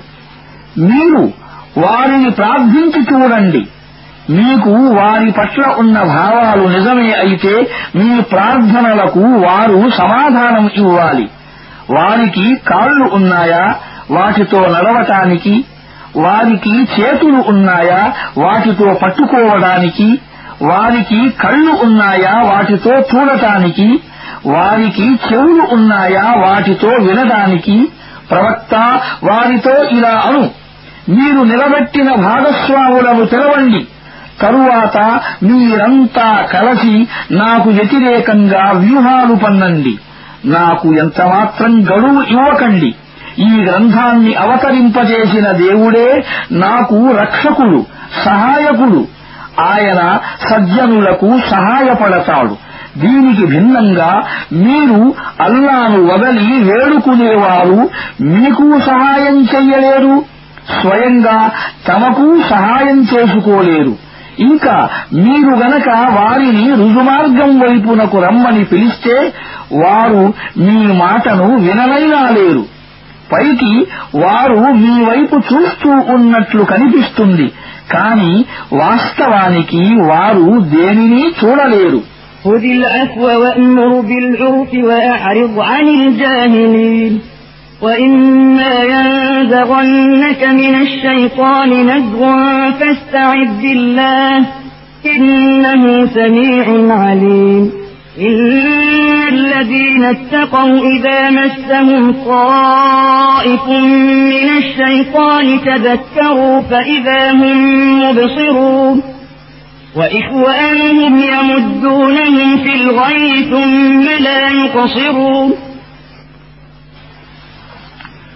ప్రవక్త మృదుత్వము మన్నింపుల వైఖరిని అవలంబించు మంచిని ప్రబోధించు మూర్ఖులతో వాదానికి దిగకు. ఒకవేళ ఎప్పుడైనా సైతాను నిన్ను ఉసిగొలిపితే అల్లా శరణు వేడు. ఆయన అన్నీ వినేవాడు అన్నీ తెలిసినవాడు. వాస్తవానికి భయభక్తులు కలవారి స్థితి ఇలా ఉంటుంది. ఎప్పుడైనా సైతాను ప్రభావం వల్ల వారికి ఏదైనా చెడు ఆలోచన తట్టినప్పటికీ వారు తక్షణం అప్రమత్తులవుతారు. తరువాత వారు అవలంబించవలసిన సరి అయిన మార్గం ఏమిటో వారికి స్పష్టంగా కనిపిస్తుంది. ఇక వారి సోదరులు వారు వారిని తమ వక్ర మార్గములోనికే లాక్కుపోతారు. వారిని భ్రష్టులుగా చెయ్యటంలో ఏమాత్రం లోపం చేయరు وإذا لم تأتهم بآية قالوا لولا اجتبيتها قل إنما أتبع ما يوحى إلي من ربي هذا بصائر من ربكم وهدى ورحمة لقوم يؤمنون وإذا قرئ القرآن فاستمعوا له وأنصتوا لعلكم ترحمون ప్రవక్త నీవు వారికి ఏదైనా ఒక సూచనను చూపకపోతే వారు ఇలా అంటారు నీవు నీ కొరకు ఏదైనా సూచనను ఎందుకు ఎన్నుకోలేదు వారితో ఇలా అను నేను కేవలం నా ప్రభువు నా వద్దకు పంపిన వహీని మాత్రమే అనుసరిస్తాను. ఇందులో జ్ఞాన కాంతి పుంజాలు ఉన్నాయి. అవి మీ ప్రభువు తరఫు నుండి వచ్చాయి. ఇది మార్గదర్శకత్వం కారుణ్యం దానిని స్వీకరించే వారి కొరకు. దివ్య హురాను మీ ముందు పఠింపబడుతూ ఉన్నప్పుడు దానిని శ్రద్ధతో వినండి మౌనంగా ఉండండి. బహుశా మీరు కూడా కరుణింపబడతారేమో واذكر ربك في نفسك تضرعا وخيفة ودون الجهر ودون الجهر من القول بالغدو والآصال ولا تكن من الغافلين إن الذين عند ربك لا يستكبرون عن عبادته ويسبحونه وله يسجدون ప్రవక్త నీ ప్రభువును ఉదయము సాయంత్రము స్మరించు. లోపల వినయంతోనూ భయపడుతూను. మెల్లగా నోటితో కూడా. నిర్లక్ష్యం చేసేవారిలో నీవు చేరకు. నీ ప్రభువు సన్నిధిలో సన్నిహిత స్థానం కలిగి ఉండే దైవదూతలు ఎన్నడూ తమ గొప్పతనానికి గర్వపడి ఆయన ఆరాధనకు విముఖులు కారు. ఆయనను స్తుతిస్తూ ఉంటారు. ఆయన ముందు సజదా చేస్తూ వినమ్రులై ఉంటారు.